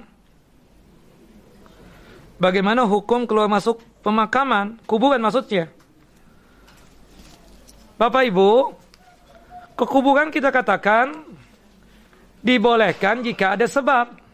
Seperti misalnya kita mengantarkan jenazah ke pemakaman bagi kita yang laki-laki untuk menguburkannya, dibolehkan. Atau bagi kita laki-laki ataupun perempuan datang ke pemakaman untuk tujuan mengingat mati, boleh. Atau kita datang ke pemakaman tujuannya untuk menyolatkan jenazah yang belum kita solatkan. Ada saudara kita meninggal dunia. Saudara kita meninggal dunia, kita datang ke tempat takziah, ternyata sudah dikuburkan mayitnya. Kita sayang kepada saudara kita tersebut, kita datang ke kuburan untuk menyolatkan jenazahnya. Boleh, boleh. Berdasarkan apa yang dilakukan oleh Nabi, pada saat ada seorang yang biasa membersihkan masjid meninggal dunia, Rasulullah tidak sempat menyaksikan jenazahnya dan belum menyolatkan jenazahnya tentunya. Rasulullah mengatakan, dulu nih ala kubriha. Tolong dong tunjukkan aku di mana kuburannya. Kemudian Rasulullah mendatangi kuburannya bersama sahabat, kemudian menyolatkan jenazah. Ya, seseorang yang membersihkan, yang suka membersihkan masjid. Ada yang mengatakan dia seorang laki-laki, ada yang mengatakan perempuan. Taib. Itu pula yang dilakukan oleh Ibunda Aisyah radhiyallahu anha ketika saudara laki-lakinya yang bernama Abdurrahman meninggal dunia di Makkah. Dikuburkan di pemakaman Ma'la. Ibunda Aisyah tidak bisa hadir karena beliau di Madinah. Ya kan? Jaraknya waktu itu kan perjalanan pakai onta 6 atau 7 hari. Ketika Ibunda Aisyah ada kesempatan untuk datang ke Mekah, beliau meng, apa, menyempatkan diri untuk datang ke pemakaman Ma'la dan menyolatkan jenazah Abdurrahman bin Abi Bakar As-Siddiq radhiyallahu an. Nah, kenapa dibolehkan salat jenazah di kuburan? Karena salat jenazah itu tidak ada apa? Tidak ada ruku dan sujud. Ya, salat yang tidak boleh di kuburan adalah salat yang ada ruku dan sujudnya. Itu yang tidak boleh. Adapun salat jenazah kita katakan cuma empat kali takbir. Takbir yang pertama membaca ta'awud dan al-fatihah. Takbir yang kedua salawat Nabi. Takbir yang ketiga adalah berdoa sebanyak-banyaknya Takbir yang keempat boleh berdoa, boleh tidak berdoa. Kemudian salam. Salam boleh satu kali, boleh juga dua kali. Seperti itu. Nah, kalau ada sebab seperti itu, tidak mengapa datang ke kuburan. Tapi untuk wanita, cuma dua saja alasannya tadi. Ya, mengingat mati atau menyalatkan jenazah yang memang dia belum menyalatkan jenazah tersebut. Kalau sudah disolatkan nggak boleh lagi datang ke kuburan ya, ibu-ibu seperti itu. Nah, ibu-ibu juga tidak boleh mengantarkan jenazah ke pemakaman berdasarkan hadis dari Ummu Atiyah, kata Ummu Atiyah, seorang perempuan sahabat Nabi, nuhina an ittiba'il janais. Kami para wanita dilarang oleh Nabi SAW untuk mengantarkan jenazah ke pemakaman. Wallahu a'lam.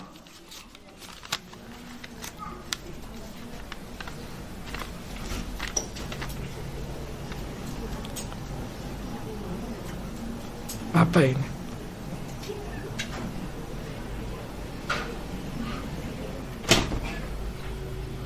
Bolehkah apa ini? Pengaji Al-Qur'an. Apa, Bu?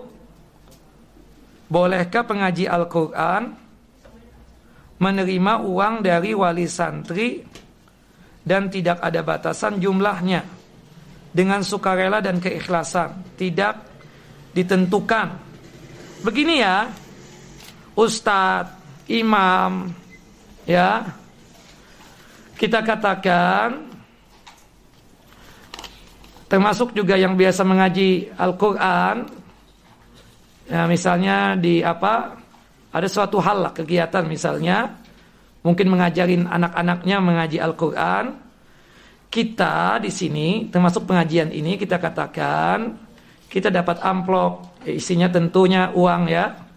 Itu bukan dikarenakan ustadz itu jual ilmu Bukan dikarenakan dia baca ayat, bukan dikarenakan baca hadis, tidak. Tapi penghargaan kita berkaitan dengan uang tadi itu, itu tidak lain untuk membiayai itu ustadz berkaitan dengan waktunya beliau. Dua jam, tiga jam beliau meninggalkan pekerjaan beliau. Ustadz bisa kerja, tapi berhubung dibutuhkan, ya antum juga jauh dan juga kita katakan uh, tidak sesuai dengan waktu yang diinginkan oleh ustadz, biasanya maghrib ke isya misalnya. Nah diambillah waktunya ustadz tersebut. Maka penghargaannya lewat waktu tersebut. Termasuk juga kita katakan berkaitan dengan transportnya tuh ustadz. Dia jauh misalnya perlu mobil, perlu motor yang mengantarkan dia. Nah maka itu boleh untuk menerimanya kita katakan seperti itu. Tapi kalau kita tujuannya jadi ustadz, jadi imam, jadi muadzin, jadi guru agama misalnya, untuk tujuan pekerjaan, kalau nggak dikasih sekian nggak mau datang, ini masalah. Nah tentu juga kita lihat penitia juga paham dong, penitia juga ngerti seberapa sih kadarnya dari jaraknya si daerah fulan ke daerah sini misalnya, pasti mengerti lah. Apalagi kondisinya kan yang mengundang masya Allah orang-orang yang mampu.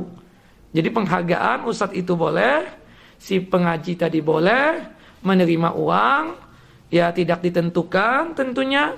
Dengan catatan dia niatkan itu semua berkaitan dengan waktunya si ustadz berkaitan dengan uh, transport berkaitan dengan uh, apa susahnya dia untuk datang ke tempat tersebut maka tidak mengapa untuk menerima yang demikian. Tapi sekali lagi jangan sampai itu menjadi tujuan.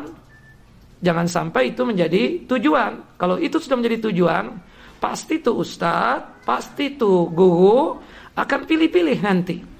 Nah makanya kita katakan bahwasannya niatan ikhlas dari awal berdakwah seperti itu. Dan insya Allah, biiznillah, ya kalau orang ikhlas mencari keridhaan Allah Jalla wa'ala, kemudian akan dia dapatkan. Kemudahan dia akan dapatkan. Tujuan beribadah karena Allah Jalla wa'ala maka Allah Jalla wa'ala akan menjadikan rizki itu di pandangan matanya dia. Di hadapan dia. Mudah saja dia dapat rizki. Tapi kalau sudah tujuan salah, maka berat dia tersebut untuk mendapatkan rizki dari Allah Jalla wa'ala. Seperti itu. Jelas ya, jangan sampai salah niat.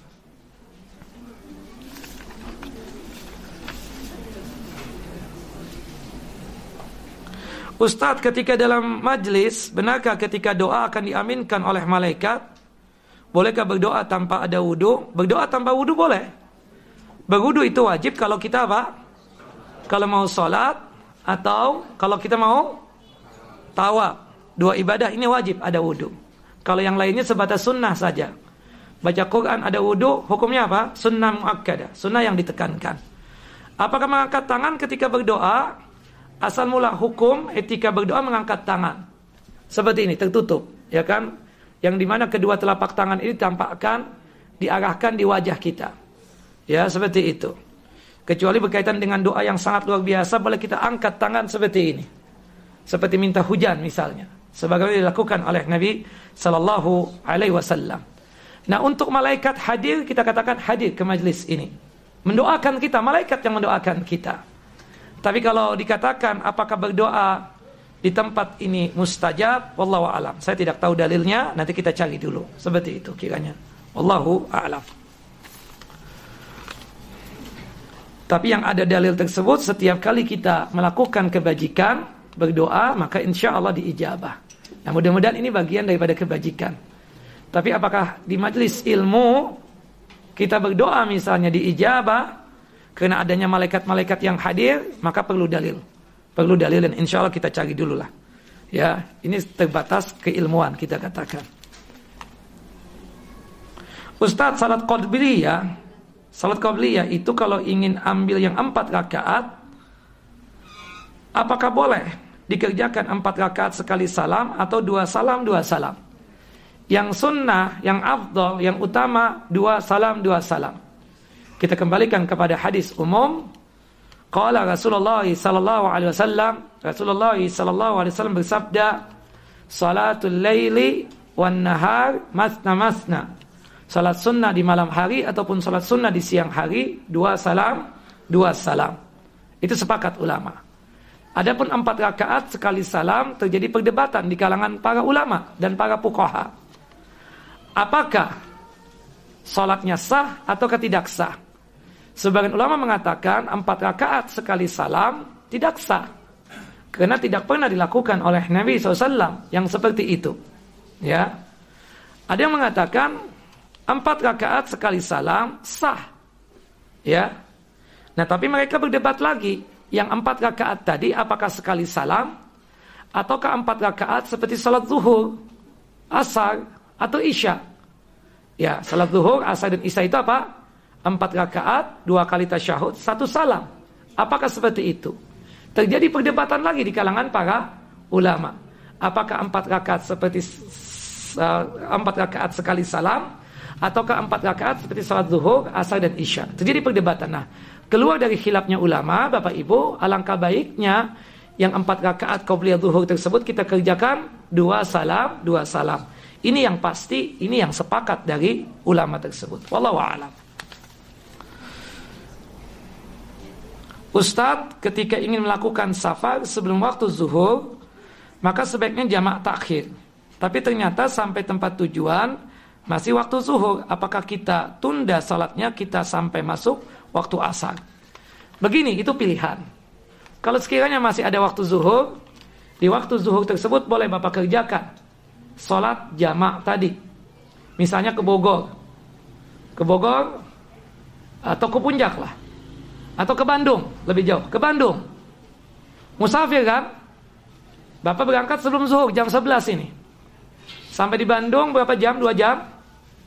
Perjalanan dari sini BSD? Tiga jam.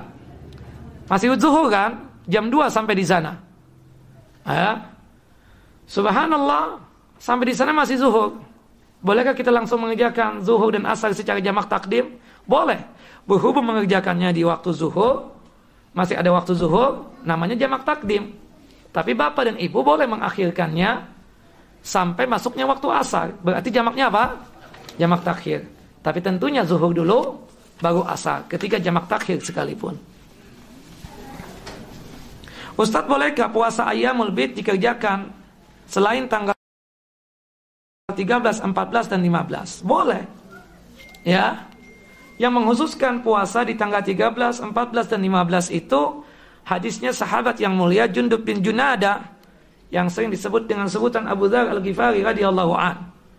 Tapi tiga hari setiap bulan yang sifatnya umum, kapan waktu pun, mau pekan pertama, pekan kedua, atau pekan yang terakhir, boleh. Berdasarkan hadis dari Abu Hurairah, hadis dari Abu Darda, kemudian hadis dari Hunaidah bin Khalid, kemudian hadis dari Abdullah bin Amr bin As radhiyallahu anhum. Rasulullah cuma mengatakan Sum salah satu ayam fi kulli syahrin. Berpuasalah tiga hari setiap bulan. Tidak menentukan tanggal 13, 14, dan 15. Kalau sekiranya tanggal 14, 15, dan 15 kita ada uzur, kita tidak bisa berpuasa, atau mungkin ada kesibukan yang membuat kita tidak bisa berpuasa, maka maka boleh diganti di pekan-pekan yang lainnya. Ya di tanggal 20, 21, 22 enggak ada masalah. Yang seperti itu. Yang penting berpuasa tiga hari di setiap bulan seperti itu. Bahkan kita katakan ada satu bulan yang kita nggak boleh berpuasa tanggal 13-nya. Bulan apakah itu? Bulan Julhijjah. Kita tahu kata Nabi SAW dalam hadis yang sahih, ayyamu tashrik, ayyamu aklin wa syurbin wa dzikrillah. Hari-hari tasyrik tanggal 11, 12 dan tanggal 13, hari makan, hari minum dan hari berzikir kepada Allah Jalla wa ala. Berarti tidak boleh berpuasa. Kapan kita berpuasa? Ayamul bitnya atau tiga hari setiap bulan. Boleh di pekan yang pertama. Itu abdol di pekan yang pertama kalau di bulan Julhijjah. Kenapa? Karena kita katakan sembilan hari yang pertama kan kita dianjurkan untuk berpuasa. Berdasarkan hadis dari Hunayda bin Khalid, hadis yang dikeluarkan oleh Al-Imam Abu Dawud dan juga oleh Al-Imam An-Nasai hadis yang disahihkan oleh Syekh Nasiruddin Albani rahimahullah rahmatan wasi'ah. Seperti itu. Ya. Yang paling abdul lagi di 9 hari yang pertama itu tanggalnya berapa? 7, 8 dan 9. Kenapa? Karena sembilannya itu adalah hari Arafah. Wallahu a'lam. Nah, itu kita kembalikan kepada kemampuan kita. Meskipun kita katakan selain bulan Zulhijjah, selain bulan Zulhijjah, abdulnya itu tanggal 13, 14 dan tanggal 15 yang disebut dengan istilah ayyamul bid, hari-hari putih. Taib, apakah berturut-turut? Kalau misalnya tidak bisa berturut-turut, tidak mengapa berselang-seling. Semampunya kita. Yang penting niatnya adalah puasa tiga hari setiap bulan. Misalnya tanggal 13 sudah berpuasa. Tahu-tahu tanggal 14 ada undangan. Makan. Undangannya khusus lagi buat kita. Maka kita akhirkan besok 15 dan 16 misalnya. Tidak mengapa yang demikian. Atau kita sakit pas tanggal 14-nya. Nggak kuat kita berpuasa, batalkan. Nah ketika kita sudah sehat walafiat, lanjutkan dua hari yang sisanya itu. Allahu a'lam. Taib, cukup? Tumben nih ibu-ibu nggak ada pertanyaan.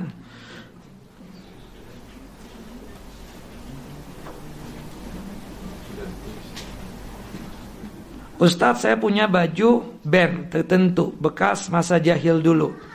Gimana? Ya kalau ada alat gitar, musik-musikan kan itu seperti dakwah kan untuk dirinya. Sudah jadikan itu aja keset ya seperti itu ha? atau lap lap mobil ya lap mobil atau untuk dapur itu ya seperti itu jelas ya jangan sampai kita pakai baju seperti menampakkan kejahiliahan zaman dulu tongkorak itu kan lambangnya apa Pak Agus nih angkatannya. apa tuh yang tongkorak itu kelompok band apa tuh? Ya kan seperti itu. Nah itu kan nggak benar seperti itu ya. Artinya kita sudah jadikan keset atau mungkin lap untuk dapur atau untuk mobil kita nggak apa-apa yang seperti itu. Kita hinakan, jangan dibuang juga, kita manfaatkan. Kita manfaatkan hal-hal yang bermanfaat, yang condongnya untuk menghinakan. Seperti misalnya kita dikasih karpet, karpetnya itu atau apa ya? Uh, maaf, bukan karpet. Misalnya uh, apa tuh yang dipasang di dinding itu? Poster atau apa yang seperti karpet itu? Yang ditaruh di dinding untuk hiasan? Ya, gambarnya singa nih. Kan nggak boleh kita meletakkan gambar singa atau harimau ya di dinding karena malaikat rahmat tidak masuk kan seperti itu. Nah, apa yang kita lakukan? Kita jadikan seperti karpet, tikar, Nah untuk dihinakan, diinjak-injak kan gak ada masalah. Seperti itu. Ya, apalagi kalau kita diberikan karpet khusus, gambarnya singa. Boleh nggak kita gelar? Boleh. Karena untuk dihinakan. Kita injak-injakan sebagaimana yang terjadi dengan Ibunda Aisyah. Ketika itu punya hordeng, gambar kuda bersayap. Rasulullah nggak mau masuk ke rumah Ibunda Aisyah. Sampai pada akhirnya Ibunda Aisyah menjadikan hordeng yang gambar kuda bersayap tadi dijadikan sarung bantal. Nah kalau bantal kan untuk apa? Dihinakan kan seperti itu. Untuk kita sandari-sandari seperti itu tidak mengapa. Tapi demikian dengan demikian Bapak Ibu, ya meskipun demikian kita katakan tidak boleh nanti beli khusus karpetnya gambar singa, jangan juga kan seperti itu. Carilah gam kan itu nggak model lagi sekarang ini yang bagus satu warna atau dua warna kan. Coba antum lihat tuh yang yang bagus-bagus seperti karpet Belgia atau Turki itu nggak ada gambar manusianya atau nggak ada gambar hewannya pasti polos kan cuma warna-warna saja seperti itu. Nah, itu yang lebih mahal biasanya ketimbang yang ada gambar-gambar itu. Kalau lihat di, di suatu pasar tempat nih di pasar dekat kita atau yang di sana tempat jual-jual karpet itu malah itu malah nggak laku seperti itu. Malah yang laku itu adalah yang bermotif-motif yang bagus, yang gambar-gambar doang, tidak uh, apa? Uh, tidak gambar tertentu, harimau, macan dan lain sebagainya seperti itu. Wallahu a'lam. Tapi kalau kita dikasih gimana Ustaz? Kita buang, kita bakar? Enggak. Kita jadikan karpet. Ya. Uh, artinya karena itu diinjak-injak maka dibolehkan yang demikian. Wallahu a'lam. Seperti itu. Iya, Pak.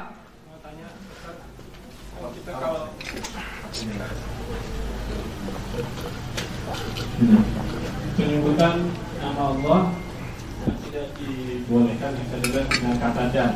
Sama kita juga uh, atas nama Allah dan usaha kita atas nama dan, dan uh, kita tidak yeah. menggunakan kata kemudian. Namun kalau baca di beberapa buku hadis itu pada saat Rasulullah SAW bertanya ke sahabatnya, sahabat sering menjawab hanya Allah dan Rasulnya lah yang tahu. Iya. Nah ini sebenarnya bagaimana?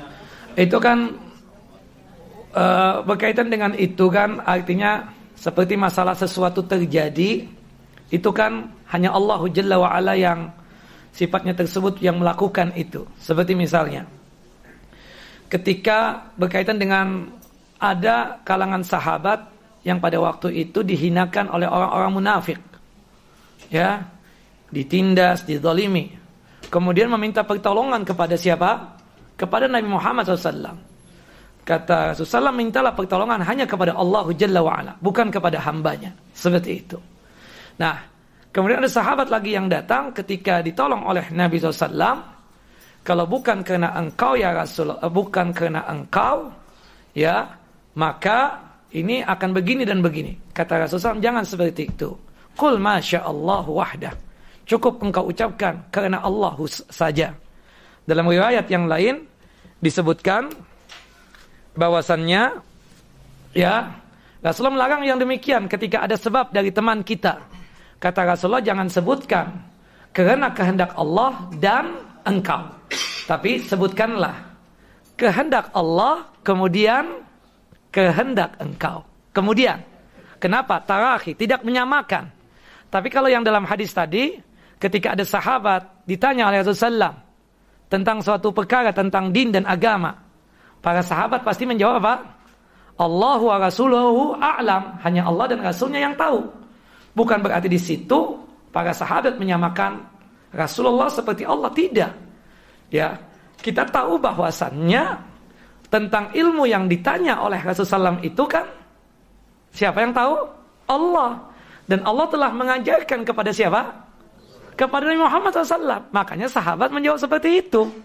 Sahabat tidak menerka-nerka. Jawabannya apa? Oh kita tidak tahu ya Rasulullah. Yang tahu itu Allah Jalla wa'ala dan engkau. Engkau pasti tahu dong. Karena Allah apa? Sudah mewahyukan kepada engkau tentang wahyu tersebut, tentang ilmu tersebut. Nah untuk itu tidak mengapa.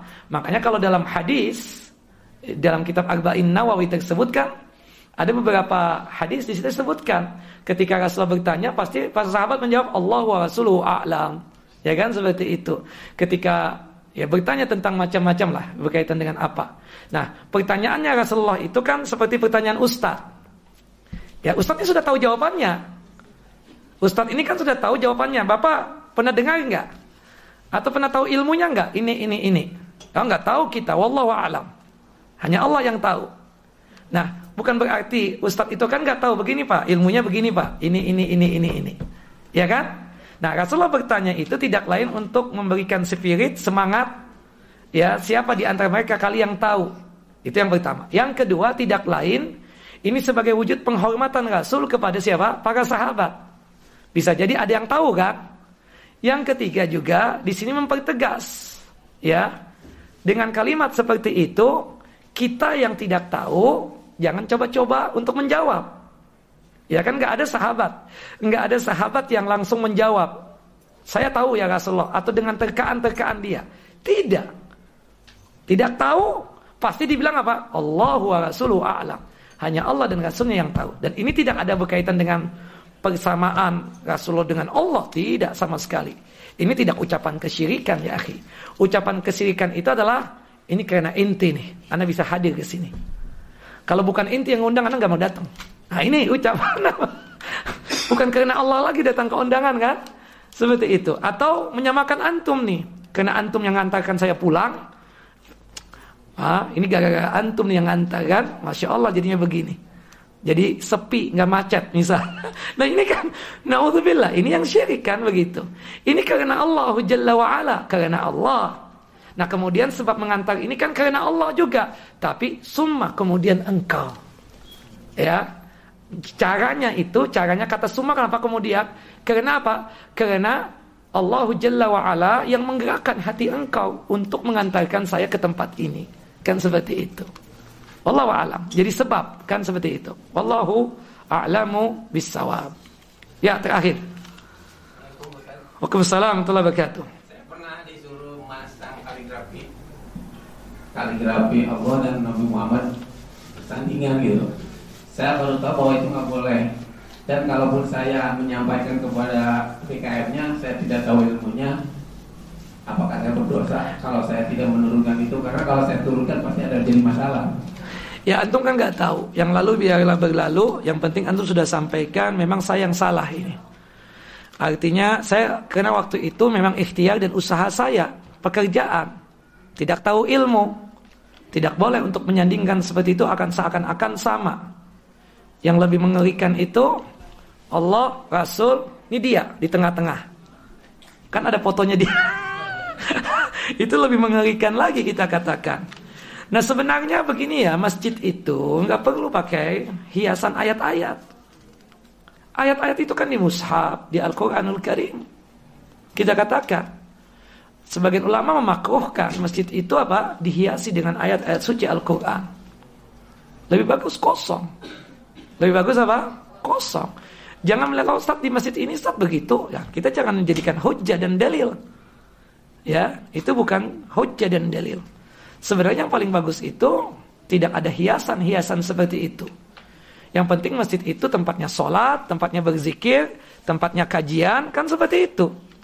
Bukan tempat-tempat yang sifatnya tersebut ada keistimewaan tertentu. Seperti misalnya, salah paham. Orang menganggap kalau akad nikah, tempatnya di mana? Di masjid. Sunnahnya kata mereka. Padahal tidak di mana pun akad nikah boleh. Nggak mesti harus di masjid, di rumah yang besar. Kebetulan rumahnya besar. Itu lebih menampung kan? Daripada nanti di masjid yang datang ibu-ibu yang tidak pakai jilbab, tidak berbusana muslimah, bahkan subhanallah tidak bukan dalam rangka di atas mata kaki lagi, di atas betis, di atas paha. Subhanallah, kadang manusia kan begitu. Kita yang laki-laki ini banyak orang yang sibuk, kita di atas mata kaki. Perempuan-perempuan ya perempuan-perempuan di atas betis, ya di atas lutut, nggak sibuk tuh ibu-ibu, malah asik bapak-bapak juga apalagi kan, malah diprototin. Tapi kalau kita yang cuma sekedar di atas mata kaki doang celana kita, pada sibuk tuh manusia-manusia itu. Iya, saya pernah ketusin orang seperti itu. Antum ini sibuk dengan saya. Saya pakai celana di atas mata kaki, nggak isbal. Antum ke mall Gak pernah tuh neguk perempuan di atas lutut bahkan kelihatan pahanya. Gak pernah antum sibuk. Kenapa? Diam dia. Harus diketusin orang seperti itu supaya jangan sampai menghinakan sunnah Nabi Sallallahu Alaihi Wasallam seperti itu. Allah. Jelas ya? Ya antum sampaikan, Pak, ini nggak boleh. Dia menerima, alhamdulillah. Nggak menerima, sudah antum bebas seperti itu. Allah a'lam. وصلى الله نبينا محمد وعلى آل محمد كما صليت على إبراهيم وعلى آل إبراهيم إنك حميد مجيد وبارك على محمد وعلى آل محمد كما باركت على إبراهيم وعلى آل إبراهيم إنك حميد مجيد سبحانك اللهم وبحمدك أشهد أن لا إله إلا أنت أستغفرك وأتوب إليك السلام عليكم ورحمة الله وبركاته.